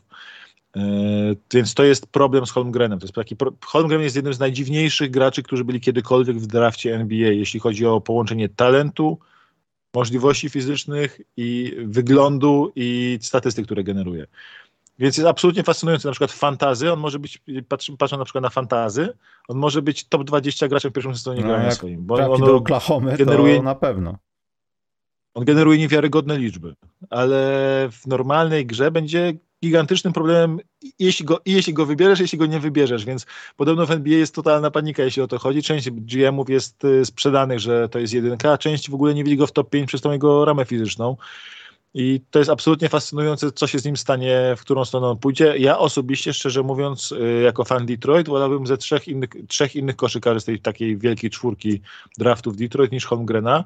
Ja po prostu mu nie ufam przez tą ramę fizyczną, no i szczerze mówiąc, wizualnie mi nie siedzi jako koszykarz po prostu, więc y, żeby mieć większą przyjemność z oglądania koszykówki, wolałbym, żeby Holmgren nie grał w mojej drużynie. Ja przysięgam sobie, ja już sobie to przysięgałem długo, ale ja już nie będę śledził żadnych dziwnych zawodników nigdy. Jak widzę Holmgrena, nie wiem dlaczego, ale widzę tak gdzieś tutaj, kawałkiem tutaj siatkówko, rogówki, Tona Makera, który gdzieś tam z tyłu sobie biega. Ale Nie, nie znaczy ja wiem, że to jest inny, inny, inna skala, ale Ton Maker nawet koło niego nie stał. Nawet nie bym siedział koło niego, go przy- Tak, ja, ja, ja, jeśli bym kogoś przyrównywał, to jedyny gość, który jest porównywany do, do Holmgrena, to jest go- gość, który będzie za rok w drafcie, czyli Wiktor Wembanyama, e, który Holmgrena, jako, mimo że jest młodszy od niego i to o dobre dwa lata, zjadał go po prostu na Mistrzostwach Świata, tak, ju- młodzieżowych. I Wembanyama jest jeszcze bardziej tym, czym jest Holmgren, więc to jest, jest jeszcze wyższy, jeszcze sprawniejszy, nie wiem, czy jest jeszcze chudszy, ale ta sama skala chudości, więc to są po prostu takie dwóch gość zawodników rok po roku przychodzi do ligi, którzy są absolutnie dziwni i to, co się stanie z Holmgrenem, będzie bardzo mocno też wyznacznikiem tego, pewnie w którym miejscu draftu pójdzie w przyszłym roku Wembaniama. Więc yy, ja stawiam, że Holmgren nie wypadnie z top 3. W tym momencie na przykład takie Houston go pewnie bardzo chętnie weźmie. To, to jest gość, który kryje w NCAA czwórki, on gra jako czwórka, on w obronie nie ma roli tego centra, który się przepycha z podkoszowymi silnymi, on raczej ma rolę takiego mm, Roberta Williamsa w Bostonie ostatnio, czyli że on jest odsunięty od krycia centra i czym y, siedzi z silnym skrzydłowym gdzieś w rogu i z tego rogu pomaga. Z tego rogu pomaga, blokuje passing lanes, wystawia te swoje długie ramiona i to jest jego rola i wydaje się, że to jest jego docelowa rola obrońcy i śmiesznie, że akurat w tym sezonie Robert Williams wyznaczył tą ścieżkę dla tego typu graczy, która wcześniej jakby nie była tak często używana. To jest gość schowany poza piłką będzie, poza pick and rollem, który będzie wychodził, będzie pomagał z tego rogu. No fascynują, fascynujący zawodnik. To nie da mu się tego odmówić, bo może być jednym z najlepszych swojego pokolenia, może być facetem, o którym za trzy lata będziemy już mówić, że to jest Bast, że z tym ciałem to jest Pokuszewski drugi. No właśnie chciałem użyć tego porównania, chociaż to też było takie trochę niewłaściwe, bo to, to tak, ta chudość nie jest równa tej chudości. Znowu. To jest Pokuszewski jest tak, taki. Poku nie stał nawet koło niego. Taki długi, akurat jest, pasuje to chyba trochę bardziej do niego niż do Holmgrena, bo Holmgren jest trochę za długi w niektórych, e, w niektórych miejscach, e, w sensie rękach bardziej. No, no wiesz, Holmgren jest bardzo waleczny przy tym wszystkim, chętnie walczy, chętnie się przepycha. Jak trzeba, to wyjdzie do zawodnika, no ale ma problemy z tymi fizycznymi zawodnikami momentami i zdecydowanie nawet w Gonzadze na poziomie NCAA centrów kryje Timi, a nie e, krył Timi, a nie Holmgren, tak? Więc e, on pewnie w NBA też będzie na przykład, bardzo mi się podoba ten taki w Houston, ten, y, to sparowanie Holmgren-Shengun. To by było fantastyczne, to by było wyjątkowo no to byłoby uzupełnienie tego, że jeden nie może w post, a drugi lubi, ale też nie musi. No to też jest fajne, bo Shengun sobie radzi warsztatem, a nawet nie ciałem, tylko warsztatem potrafi, no nie chcę mówić brzydko, ale skoro już jest po 21, dymać ludzi swoim warsztatem. Tutaj nóżka, tu piwocik, ty lecisz do góry, Sangun robi z tobą dziecko pod koszem. Tak, i obaj chcą ci zrobić w sensie krzywdę na taką koszykarską na boisku. Nie, że podstawić nogę, ale chcą, nie wiem, wsadzić nad tobą, yy, gdzieś tam przepchnąć, zdemolować cię. Zablokuj takiego, takiego Holmgrena. W dzisiejszych przepisach to każde dotknięcie chłopa kończy się osobistymi, no i nie możesz mu nic zrobić. Problem jest taki, że każde dotknięcie tego chłopa może ojomem. skończyć końcem, ojomem i końcem, końcem kariery, ale to inna sprawa. No mówię, ten facet w NCAA leży 15 razy na mecz na boisku. On co chwilę Jeśli leży. chodzi o le leżenie, Karola bateria leży. Karol wróci się pożegnać, jak osiągnie 3%. Ja też nie mam zamiaru siedzieć tu z godziny. Jeszcze z Maćkiem rozmydlimy jedną sprawę związaną z NCAA, bo ja się nie zgadzam z jedną rzeczą. Karol wróci, żegnamy się i taka jest kolej rzeczy. Karol żyje, nic mu się nie stało, nie porwali go terroryści. Więc Maciek, nie zgadzam się, bo tam powstał rant. Dlaczego niby to? I tego nie powiesz, że to jest genetyka. Dlaczego czarnoskóremu koszykarzowi przy tych samych walorach fizycznych łatwiej jest przytyć? Ja rozumiem, inna budowa, struktura tkanki mięśniowej, bla, bla, bla, to wszystko, ale kwestia tycia i nietycia nie jest rasowa chyba. Nie mówię o tyciu, mówię o nabieraniu masy mięśniowej. Znajdź różnicę. I... To jest to samo. Pamiętasz y, Trybańskiego w, sensie... w NBA? Znaczy, on nie był 120-kilowym y, potworem jak przed NBA, ale mimo wszystko było widać, że z jego ciała zrobiono wszystko, co chyba można było zrobić na daną chwilę. Słuchaj, to jest Wiesz, żywienie, to jest stary dieta, nadzieja... oczywiście ćwiczenia to jest jedno, predyspozycje wrodzone. Takofol gruby nigdy nie będzie, KD nigdy gruby nie będzie. On nigdy nie miał mięśni, nie będzie i umrze bez mięśni. No coś tam jest. Nie chodzi mi o to, KD jest silny wbrew pozorom, ale to jest inna sprawa. Mi chodzi bardziej o szerokość na przykład y, obręczy barkowej. To jest dosyć bardzo, to ten, ten frame, ta no rama, tak, jest wąski zawodnika. Trochę, no to jest bardzo istotna. Holger ma te wąskie ramionka i po prostu nie wiesz, ile tam mięśni możesz dołożyć, żeby nie uszkodzić stawów, więc oni będą się, on na, na przykład nie wyobrażam sobie, żeby on z tych swoich 86 kg skoczył do 100 kg w ciągu sezonu. Ja podejrzewam, że będą dokładali kilogram, dwa, trzy i patrzyli, co się A wydarzy. uważasz, że powinien? Czy, Czy nie zostawić go jak KD'ego? Troszkę musi, troszkę musi nabrać. KD nabrał dużo siły i nabrał parę kilogramów. KD był dużo chudszy niż teraz. Nie no, oczywiście, no nie podnosił na owerczce nic, wiesz, no. Nie, ch nie chcę progresu ala Janis, bo wydaje mi się, że jest absolutnie niemożliwe, bo to jest aż śmieszne, jak patrzysz na zdjęcia Janisa, jak przychodził do NBA i teraz jak jest, bo to Jest mózg koksem, wypada po prostu jest dokładnie. koksem z siłowni, no. Ale y, Holmgren ma wąskie barki, ma bardzo chude te ramiona i nie wiesz, czy mu nie zaburzysz tej jego unikalnej motoryki, dokładając mu 10 kilo. Musisz mu dodać kilogram dwa i patrzeć, czy, czy stawy wytrzymają, czy wytrzyma mu y, y, właśnie ta motoryka będzie cały czas taka sama, ta, taka dobra, czy ta płynność ruchu będzie dalej dobra. To jest, y, będzie gracz, który będą chuchać i dmuchać na niego przez pierwsze sezony. Ja się nie zdziwię, jak on będzie grał po 20 minut na mecz, a będzie spędzał większość czasu właśnie z trenerami, ćwiczył mięśnie głębokie, to taką siłę, y, która jest niezależna od kilogramów, troszeczkę ćwiczył. Y, I zobacz, będzie patrzeć, co się będzie działo, bo to jest tak, że pamiętajmy, że na przykład takie ćwiczenia siłowe, które zwiększają ci tą masę mięśniową dosyć szybko, mocno obciążają stawy. Mhm. Tak? Jeśli weźmiesz ławeczkę, na płaską ławeczkę na siłowni, to masz obciążenia mocne na barki, nadgarstki, łokcie. Ja wątpię, żeby Holmgren był w stanie ćwiczyć na ławeczce płaskiej, na przykład y, na poziomie NBA teraz. I to nawet sam gryf może być dla niego problemem. To jest, to, to są do Myślę, tego, że nawet tego, na poziomie siłowni osiedlowej kłopoty, miałby kłopot. Więc on pewnie przez pierwszy rok będzie robił praktycznie bez jak gracze przychodzący do NCAA z Europy, czyli bez ciężarów właściwie, będzie ćwiczył tylko technikę ruchów. I będą patrzeć wtedy, czy, czy samo to mu nie zaburza już czegoś w jego organizmie. Ma tak unikalny organizm, więc dlatego z jednej strony patrzysz na jego statystyki, mówisz pewna jedynka, gość ma lepsze staty niż ktokolwiek, kto szedł do draftu od, nie wiem, od 20 lat. Ale patrzysz na jego yy, ciało, na to, jak, gdzie może przybrać, czy może być lepszy i nie jesteś pewien. Mhm. Z inny, a masz też trzecią stronę, że na przykład Mike Schmitz, który jest jego dużym fanem, twierdzi uparcie, że Holmgren na poziomie NCAA pokazuje 30% tego, co pokazuje na treningach, tego, co umie. Bo po prostu jest więc w Gonzadze nie umieją wykorzystać pełni jego możliwości. Ten gorszy spacing NCAA, ta, bliżej, ta trójka bliżej i tak dalej, nie pokazuje tego, co on może robić. Że on podobno z kozła robi kosmiczne rzeczy. On mija gardów, z kozła robi pivot, przez, przez od trójki robi pivot aż pod kosz i daje pakę nad ludźmi jak Janis. Podobno. Podobno Dobrze, Maciek. My tam temat NCAA, myślę, że my po prostu nagramy coś. E, może jak się skończy March Madness, podsumujemy tam, wiesz, drafty, nie drafty. E, póki Karol ładuje komórkę, to taki temat na koniec. Czy Jeremiego już kupili Amerykanie, czy to dalej jest plotka? Bo mam, wiesz co, ja oglądałem te spotkania. Obejrzałem nawet dwa razy, żeby raz w spokoju obejrzeć, poprzewijać, popatrzeć, poanalizować to, co można było zobaczyć. Nie mówię, że nie poprawiło się moja, moje podejście do tego, czy, czy ta faktycznie loteria to, to jest prawda, ale nie wiem, co mam myśleć, szczerze mówiąc. Bo po tych dwóch spotkaniach, oczywiście, no tam gdzieś w sezonie coś widziałem, ale to się nie liczy. Po tych dwóch spotkaniach, no tak naprawdę chyba nie za dużo wiemy o Jeremiaszu. Wiesz co? W kontekście Ja będę w NBA, no bo o kadrze i tak dalej, no to jaki e, jest, każdy widział. Co? To, co wiesz, to, że on będzie bronił, świetnie, Świetnie będzie, będzie bronił. podawał, To to jest- już wiem. Świetnie będzie bronił, jako podający jest Znaczy chętny inaczej, Nie chodzi mi o sam proces podawania piłki. Chodzi mi o to, że on widzi momenty, w których trzeba podać i to robi. Tam były dwa takie, w tym ostatnim spotkaniu były dwa takie podania, że jednego to myślę, ani ja, ani ty byśmy nie złapali, bo były tak mocne i tak precyzyjne jednocześnie, że leciały do celu bo- i na zabicie przeciwnika, nie na złapanie piłki. To może być problem. To jest, to jest coś takiego, że on jest, e, e, był w Baylor trzecim czy czwartym gościem do piłki.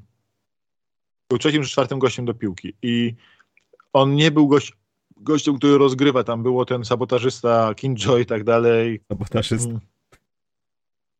Było paru No. innych, czekaj sekundkę. No, było paru innych e, gości do piłki, którzy po prostu przed nim e, kozłowali, więc on miał bardzo mało możliwości pokazywania tego swojego grania z piłką. E, a też to granie było dosyć mocno ograniczane przez to, że e, on nie ma rzutu pull-upu, nie ma, Mhm. tak. On nie ma pull-upu dobrego. I przez to rozgrywają, w sensie pod, podkoszowi, bo kryli go podkoszowi North Caroliny, e, wychodzili do, nie- nie wychodzili do niego wysoko, pozwalali mu rzucać za trzy albo z dystansu. On niechętnie rzucał jeszcze zbytnio. On ma, ta pewność jego rzutu nie jest taka zła, jak na, jak na skuteczność jest dość pewnym rzucającym, w sensie bierze te rzuty, Mhm. które mu dają, ale przez to, że oni się od niego odsuwali i on nie był w stanie ich skusić rzutem na obwód, nie był w stanie pokazać w koźle tyle, e, co, e, co umie. Na poziomie juniorskim, jak grał w kadrach juniorskich, często był takim point forwardem, tak? Więc w kadrach polskich bardzo wyraźnie było obietnica Sochana była taka, że on będzie dobrze rzut, do, dobrze rozgrywał, dobrze będzie takim chwilami rozgrywał. Stąd go Kevin O'Connor porównuje po obejrzeniu paru taśm z Europy. Zaczął go porównywać do Bena Simonsa. Oczywiście to jest zupełnie inny poziom podającego i kozła, ale on umie podać. I, i to jest ważne. Yy, I Jeremy jakby przy tym wszystkim jest, yy, mówię, u niego cała kariera wisi na rzucie. Jeśli druży, przekona drużynę NBA, że ma nie tylko dobrą mechanikę, ale też dobrą skuteczność rzutu na workoutach, to on może pójść w top 7. Jeśli ich nie przekona, to cały czas za swoją rozmiary, za jakość obrony, za umiejętność ścinania, za umiejętność podawania, za trzymanie się swojej roli, jakby za nią nie uciekanie, bo często na poziomie NCAA, zwłaszcza w March Madness, gości uciekają ze swojej roli, bo chcą być mhm. Jordanami. On tego nie chciał. On starał się, on grał z drużyną. Tam, gdzie trzeba było zapieprzać w obronie, to zapieprzał, tyrał na szczycie obrony. I to ta jego praca w obronie, którą wykonał w tym comebacku nieudanym Baylor, to jest coś, co wszyscy w NBA widzieli na 100%. I to jest coś, co na pewno bardzo mocno podniosło jego akcję. Poza tym... Na przykład nie widzę, jest gorzej, jest mniej atletyczny, ale nie widzę za bardzo różnicy między na przykład nim a Patrykiem Williamsem, który poszedł z czwórką. Według mnie Sochan jest w tym momencie lepszy niż Patrick Williams był idąc do NBA, tylko Williams był bardziej atletyczny. No i może trochę bardziej e, pokazał się z tej defensywnej strony i może to tam zagrało w tych kilku spotkaniach. No, może. Nie wiem jak... Sochan na poziomie NCAA broni lepiej niż broni Williams. W NBA Williams pokazał się super z obrony, ale w, w, na poziomie NCAA pokazuje Sochan jest lepszy niż był Patrick Williams. Nie? E, masz dla mnie świetnym porównaniem, mimo że atletyzm jest inny graczy, ale jeśli chodzi o potencjalną rolę w NBA i jakość gry, to jest Aaron Gordon do Sochana. Y, bardzo podobne rzeczy robią na boisku. Y, Sochan jest lepszy, dużo lepszy w obronie niż był na tym poziomie Aaron Gordon, y, ale wszystko inne robią podobnie, tylko że Sochan ma lepszy rzut niż Gordon na tym, na tym etapie, a Gordon oczywiście atletycznie jest z innej galaktyki niż on. Mam ochotę zrobić symulowany draft prezydentów, żebyśmy sobie wylosowali cyfry i kto wybiera Bidena z jedynką. Tak mi teraz padło to do głowy. Bo mój cały timeline na Twitterze jest właśnie poświęcony temu. Nie strasz, nie strasz. Ty byś wybrał Andrzeja z dwójką, ty się nie śmiej. I nie, strasz, nie, nie, strasz. nie da się tradeować tego piku, panie kolego. Karol bierze Macrona i gramy. Dobra, jeszcze mam taką jedną rzecz właśnie z tym yy, Sochanem, że to jest u niego naprawdę yy, to jest niesamowite, że gość z poziomu poza draftem przyszedł do wczesnej drugiej rundy, potem do pierwszej rundy i teraz skoczył do loterii. I wydaje się, że ta loteria to jest miejsce pewne dla niego i że on po prostu do draftu pójdzie, mimo że plan był dwuletni. Mm. Byłoby abstrakcyjne, gdyby nie poszedł. Mm. Z drugiej strony mówię, nawet mimo braku Sochana, wszystkich bardzo zachęcam, żeby oglądali NCAA, bo e, nawet dzisiaj są e, fantastyczne mecze e, będą rozgrywane. Mamy o, już za dwie godziny niecałe mamy mecz e, Houston z Villanową. E, Houston i... Tech, tak? Dobrze pamiętam? Czy University of Houston? Houston Cougars. Ale nie, no, czy to jest ta, bo ja nie wiem, czy ja nie mylę, ale w Houston była chyba ta Politechnika, Houston Tech. Nie, nie, myślę, to jest, to jest University of Houston. University of Houston. Ale Maciek, ten mecz jest naprawdę ciekawy, czy to jest ciekawy z powodu bycia nerdem, bo to jest ważne akurat. Nie, to jest ciekawy mecz, bo tutaj mamy y, Houston po prostu po drodze wyeliminowało bardzo pewnie głównego faworyta turnieju. Houston y, przez cały jakby idzie przez cały turniej wszystkie mecze wygrywając dwucyfrowo, y, a było tylko z piątką rozstawione, a z drugiej strony mamy Villanowę, Jaya Wrighta. Villanowa gra bardzo charakterystyczną koszykówkę systemową i wydaje się, że w jest jednym z faworytów teraz całego turnieju. Houston też pokazało się fantastycznie na razie, więc mamy bardzo dobry mecz, bardzo dobrych e, systemowo grających, fajnych drużyn i no, o to chodzi troszkę w NCAA, że masz takie drużyny, które ich system jest ponad talent mhm. rywali. I system, zaangażowanie, jakość gry i to są takie dwie drużyny, więc to się fajnie, fajnie na to patrzy. No i ważne jest to, że w tym, w tym Elite 8 mamy to jest niesamowita historia w ogóle. W Elite 8 mamy chyba naj, najniższą średnią drużyn y, tych seedów jak w historii Elite 8, bo mamy teraz, tutaj mamy mecz piąty Houston z drugą Villanową, potem mamy przed drugą w nocy będzie grało czwarte Arkansas z drugim Duke i to jest ta tabelka i tutaj patrz, nie mamy ani jednej jedynki. Czekaj, ja słuchaczom chcę naświetlić, czy mamy dzisiaj coś na Kanal Plusie, bo Wojtek coś tam pisał na Twitterze, a ja się boję wchodzić na aplikację Kanal Plus, bo moi drodzy, tutaj jest porada dla was. Nie oglądajcie Pitbulla nowego na Kanal Plus. Nigdzie nie oglądajcie. Nowy Pitbull doprowadzi was do śmierci klinicznej, dlatego boję się wchodzić na Kanal Plus VOD. Chciałem skończyć NCAA. No to, to ja szukam rozkładu jazdy. Masz, masz jutro, masz o y, 8.20 wieczorem, czyli bardzo wcześnie. Masz mecz Kansas z Miami. Maja, Kansas to jest jedynka i główny faworyt teraz całego turnieju, mm. a Miami to jest w ogóle niesamowita, kolejna niesamowita historia, bo to jest, mieliśmy w Sweet 16 pierwszy raz w historii Sweet 16 sytuację, że grały dwa dwucyfrowe seedy ze sobą Historii? na poziomie Sweet 16, czyli gra... Tak, dziesiątka z jedenastką po raz pierwszy grały w historii ze sobą y, na, na tym poziomie Sweet 16. I tej Miami jest dziesiątym seedem, który jest y, w Elite 8. To jest niesamowita historia i byłby o tym pewnie jakiś film w przyszłości, dokumencik, gdyby nie to, że z drugiej strony idzie y, będzie mecz North Carolina, która z ósemką jest w finale, w finale swojego regionu i gra z piętnastką St. Peters. Wcześniej tylko trzy razy w historii do Sweet 16 doszło, doszło, doszedł 15 seed, a teraz ten 15 seed wy, wyszedł z tej to, Sweet 16 i pierwszy raz w historii mamy 15 seed, który jest w Elite 8. To jest niesamowita historia i jesteśmy, a gdyby jednak ta historia St. Peters skończyła się tutaj, to idzie wszystko na matchup North Carolina z Duke w Final Four NCAA, czyli y, na, jako wielka rywalizacja, największa rywalizacja ostatnich 30 lat NCAA, gdzie Coach K po tym, y, po tym turnieju kończy karierę. Krzyżewski, więc y, to też jest kolejna historia, to jest tak napakowany historiami, dosyć niesamowitymi historiami turniej NCAA. Nie powiem, że jak żaden inny w historii, bo tam cię co roku Właśnie dlatego pytałem, rzeczy, czy wiesz ale... w historii w historii, bo jesteśmy przyzwyczajeni do tego, że co roku jest ten kopciuszek, tak? Nie, nigdy w historii w Sweet 16 nie było meczapu dwóch drużyn grających yy, poniżej 10 seedu, 10 i niższy seed i nigdy w historii nie było 15, 15 seedu w Elite 8, więc to są dwie rzeczy historyczne, które się już wydarzyły w tym turnieju. Mamy bardzo nisko porozstawiane drużyny, które grają fantastyczny basket. E, wszyscy będą pewnie kibicować St. Peters, bo to jest absolutny, absolutny kopciuszek, który runda w rundę eliminuje drużyny, które wiesz. W pierwszej rundzie wyeliminowali drugie Kentucky. Oni są większym kopciuszkiem niż Loyola wtedy? Tam rok temu, czy tam... Bez tak? porównania. Bez porównania. Ale nawet składowo, zespołowo, budżetowo, uczelnianowo. Tak, tak, tak. To jest tam są, to jest drużyna no-name'u z punktu okay, widzenia. Bieda Edition taka. Bieda Edition, y, oni tak, pokonali drugie Kentucky, potem siódme Murray State, y, potem faworyta tego regionu pewnie, czyli Purdue, które tam z Jadenem Iveyem, ich też walnęli.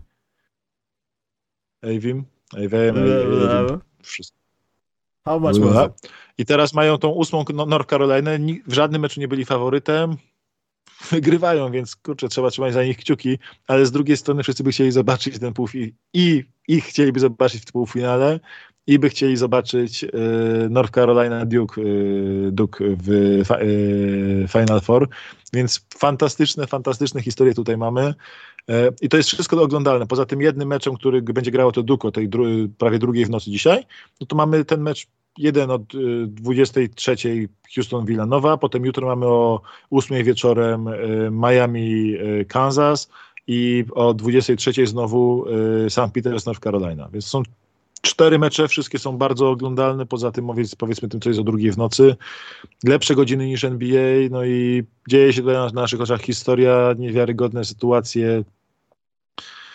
Warto, warto, warto sobie to włączyć, bo to jest też fajne odświeżenie od tej koszykówki NBA, gdzie wszyscy wiedzą, co robić, yy, w swoich rolach siedzą, yy, rzucają trójki z rogów, ścinają mądrze i tak dalej.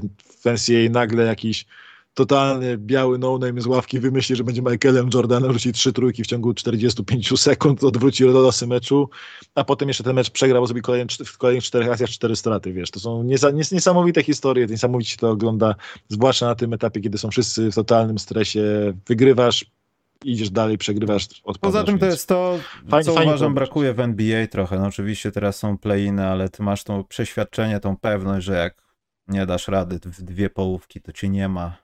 I nie masz o Tak, czym w ogóle tak, rozmawiać, to- ciebie nie ma po prostu. pękają najlepsi goście w drafcie. Pękają najlepsi goście w drafcie. W zeszłym roku, y, w zeszłym roku kto, y, kto tak się strasznie y, skopał? Jezu, uciekło mi. Ale w zeszłym roku też któryś z tych takich czołowych prospektów totalnie dał ciała y, w NCAA, w tym tu- turnieju NCAA, no masa, masa zawodników zawsze pęka, masa się pojawia nowych bohaterów. Kemba Walker pewnie z końca pierwszej rundy swojego czasu wszedł do top 10 y, draftu w ten sposób, bo Michael Jordan zachwycił się jego wielkimi jajami i, i Shabazz Napier w ogóle miał być niewybrany w drafcie. LeBron James tak, Tak, się Karol, zachwycił, widać, że też go tam wypuścił na aktywne wybranie. Więc y, fajne historie, no mówię, warto obejrzeć, warto sobie zrobić nawet dwa dni przerwy od NBA, obejrzeć to NCAA, bo w NBA teraz z kolei się, kurczę, kocham NBA, ale się nie dzieje nic ciekawego. E, Dzieją się, w kontekście rozstrzygnięć się nie dzieje po pierwsze, ciekawego. to Karol, będziemy, będziemy kończyć, będziemy się żegnać. Po drugie, temat NCAA obiecuje, że w przyszłym tygodniu, kiedy się kończy to wszystko, Maciek? W przyszłym tygodniu, czy tam jest jakaś dłuższa przerwa i dopiero w kwietniu, bo ja nigdy nie pamiętam. Yy, W przyszłym tygodniu. Yy, yy, ta Final Four zaczyna się 2 kwietnia, a finał, finał akademicki No dobrze, no to myślę, że w połowie przyszłego tygodnia się umówimy, żeby przynajmniej przed Final Four coś pogadać. Ja może bardziej się zainteresuję.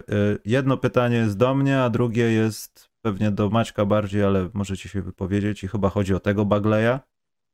E, Polako mnie pyta, pytanie techniczne, czy masz odsłuch samego siebie w słuchawkach? Pytam, bo mikrofon to chyba Novox, a on nie ma odsłuchu, jeśli się nie mylę. Chyba, że masz jakiś patent na to. No absolutnie, po prostu wyłączam e, odsłuch w OBS-ie, żeby nie, nie słyszeć siebie podwójnie i widzę tylko na potencjometrze, że się tutaj rusza zielone, to znaczy, że aparat mowy mój nadaje dźwięki. Czy ty w ogóle sam siebie słyszysz, jak mówisz? Ogólnie staram się nie, no bo bym zwariował, gdyby docierały do mnie te głupoty, które mówię, ale tak technicznie słyszę własnego głosu, bo wyciszyłem wszystko, bo na początku faktycznie Polako słusznie zauważył, że to prowadzało pewien dysonans. Słyszę siebie, drugi raz siebie i jeszcze Karola słyszę, to za dużo. E, Bartku pytał, było coś o Bagleju, będzie coś z chłopa ostatecznie. Ja widziałem, że dał piękny wsad ostatnio. Detroit. Oczywiście, że będzie. będzie jest, spokojnie ma ciało i talent, żeby być zawodnikiem, przynajmniej zawodnikiem rotacji jakiejś drużyny NBA przez, przez 10 czy 15 lat. Czy będzie All-Starem? Prawdopodobnie nie. Czy będzie zawodnikiem NBA? Też prawdopodobnie nie. Ale z tym, co ma talent plus ciało, to to już jest to, żeby zagrać sobie w NBA 8-10 sezonów i parę groszy zarobić i być kimś. No, ja się z Karolem mogę tylko zgodzić, tak. Bagley swoim atletyzmem podniósł poziom jakby, bardzo pomógł Detroit.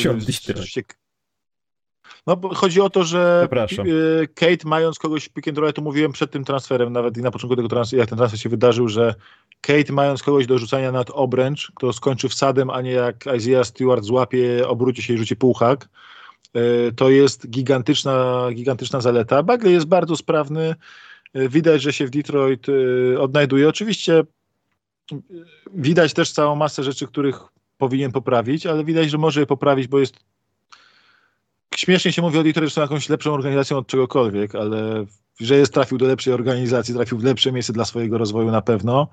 Y, Z graczem, który jest mu będzie mu chętnie podawał i wydaje się, że y, będą z niego ludzie. No nie będzie jak gwiazdą, myślę, nigdy. Będzie zawsze miał łatkę basta przy sobie. No, nic się z tym nie poradzi, patrząc, kto po nim poszedł w drafcie. Ale powinien być dobrym zawodnikiem. Powinien być dobrym zawodnikiem, ma łatwość zdobywania punktów gigantyczną, łatwość zbierania piłek gigantyczną. Nie bardzo wiem, czego innego ma łatwość, ale te dwie rzeczy jakby powinny same dać mu A karierę. właśnie, taka dygresja. Tylko tak jednym zdaniem, Maciek, bo ja wam wysłałem coś i zrobimy sobie szybciutki mini draft. Szybciutki, bardzo szybciutki. Tam są lista szefów państw wszystkich na świecie. E, Wylosujemy sobie trzy numery, każdy wybierze po jednym, bo musimy to zrobić dzisiaj. E, Co z resztą Bagleyów, Maciek? Bo program Bagleyów był praktycznie przeznaczony do 500, plus, ich tam było ze 100 chyba. To rodzeństwo miało, no nie żartuję, trzech było Bagleyów, tak? Bo to chyba się Kentucky nimi zajęło, ten program, co?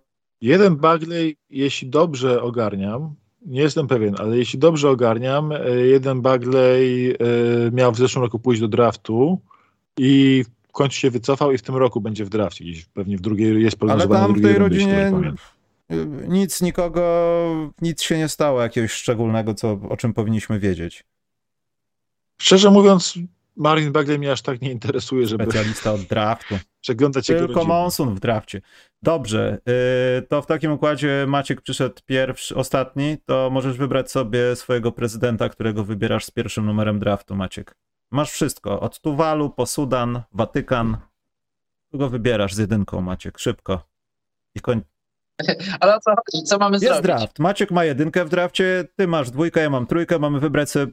Typu, że kto by, kto, chcemy, żeby był prezydentem naszego Nie, kraju? kto, gdybyś miał na przykład zrobić drużynę z prezydentów, to kto byłby pierwszy? Tutaj masz wszystko, Sudan Południowy, masz To co wysłałeś? wysłałem dokładnie tak.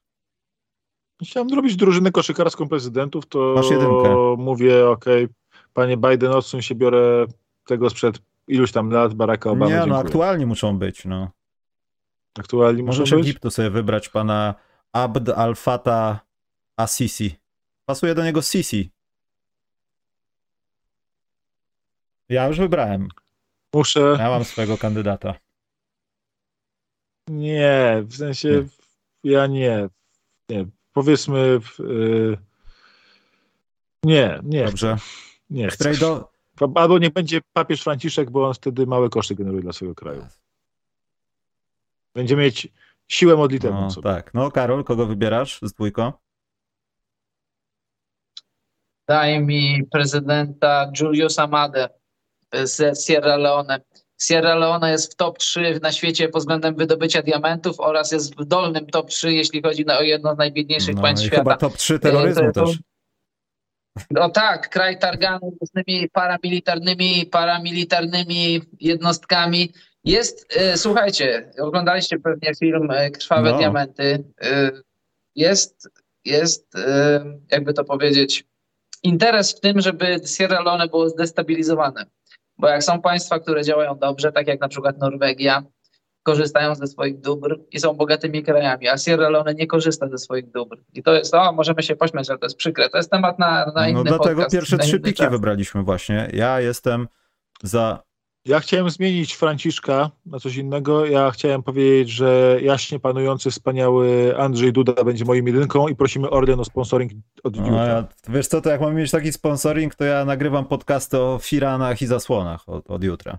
E, Ja wybieram prezydenta Nepalu, bo ja lubię spokojnych zawodników. On ma skomplikowane nazwisko. Zawsze mogę powiedzieć, że wybrałem innego, na przykład z Nauru. Jest to pan Bida Devi Bandari. Pasuje do Nepalu imię Bida.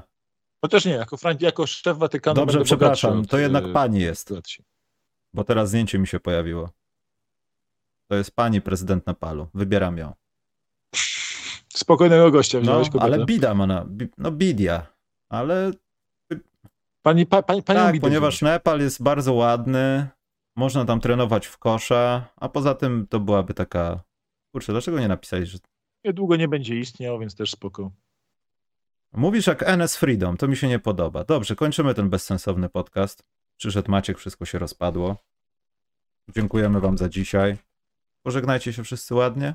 Ciao, pa, pa. Do widzenia i do za tydzień pogadamy wtedy o czymś naprawdę ważnym. Myślę, że o tym NCAA się pogada, może coś w NBA się stanie, aczkolwiek playoffy już wyglądają na wygaszone. Lakers mistrzem, pamiętajcie o tym.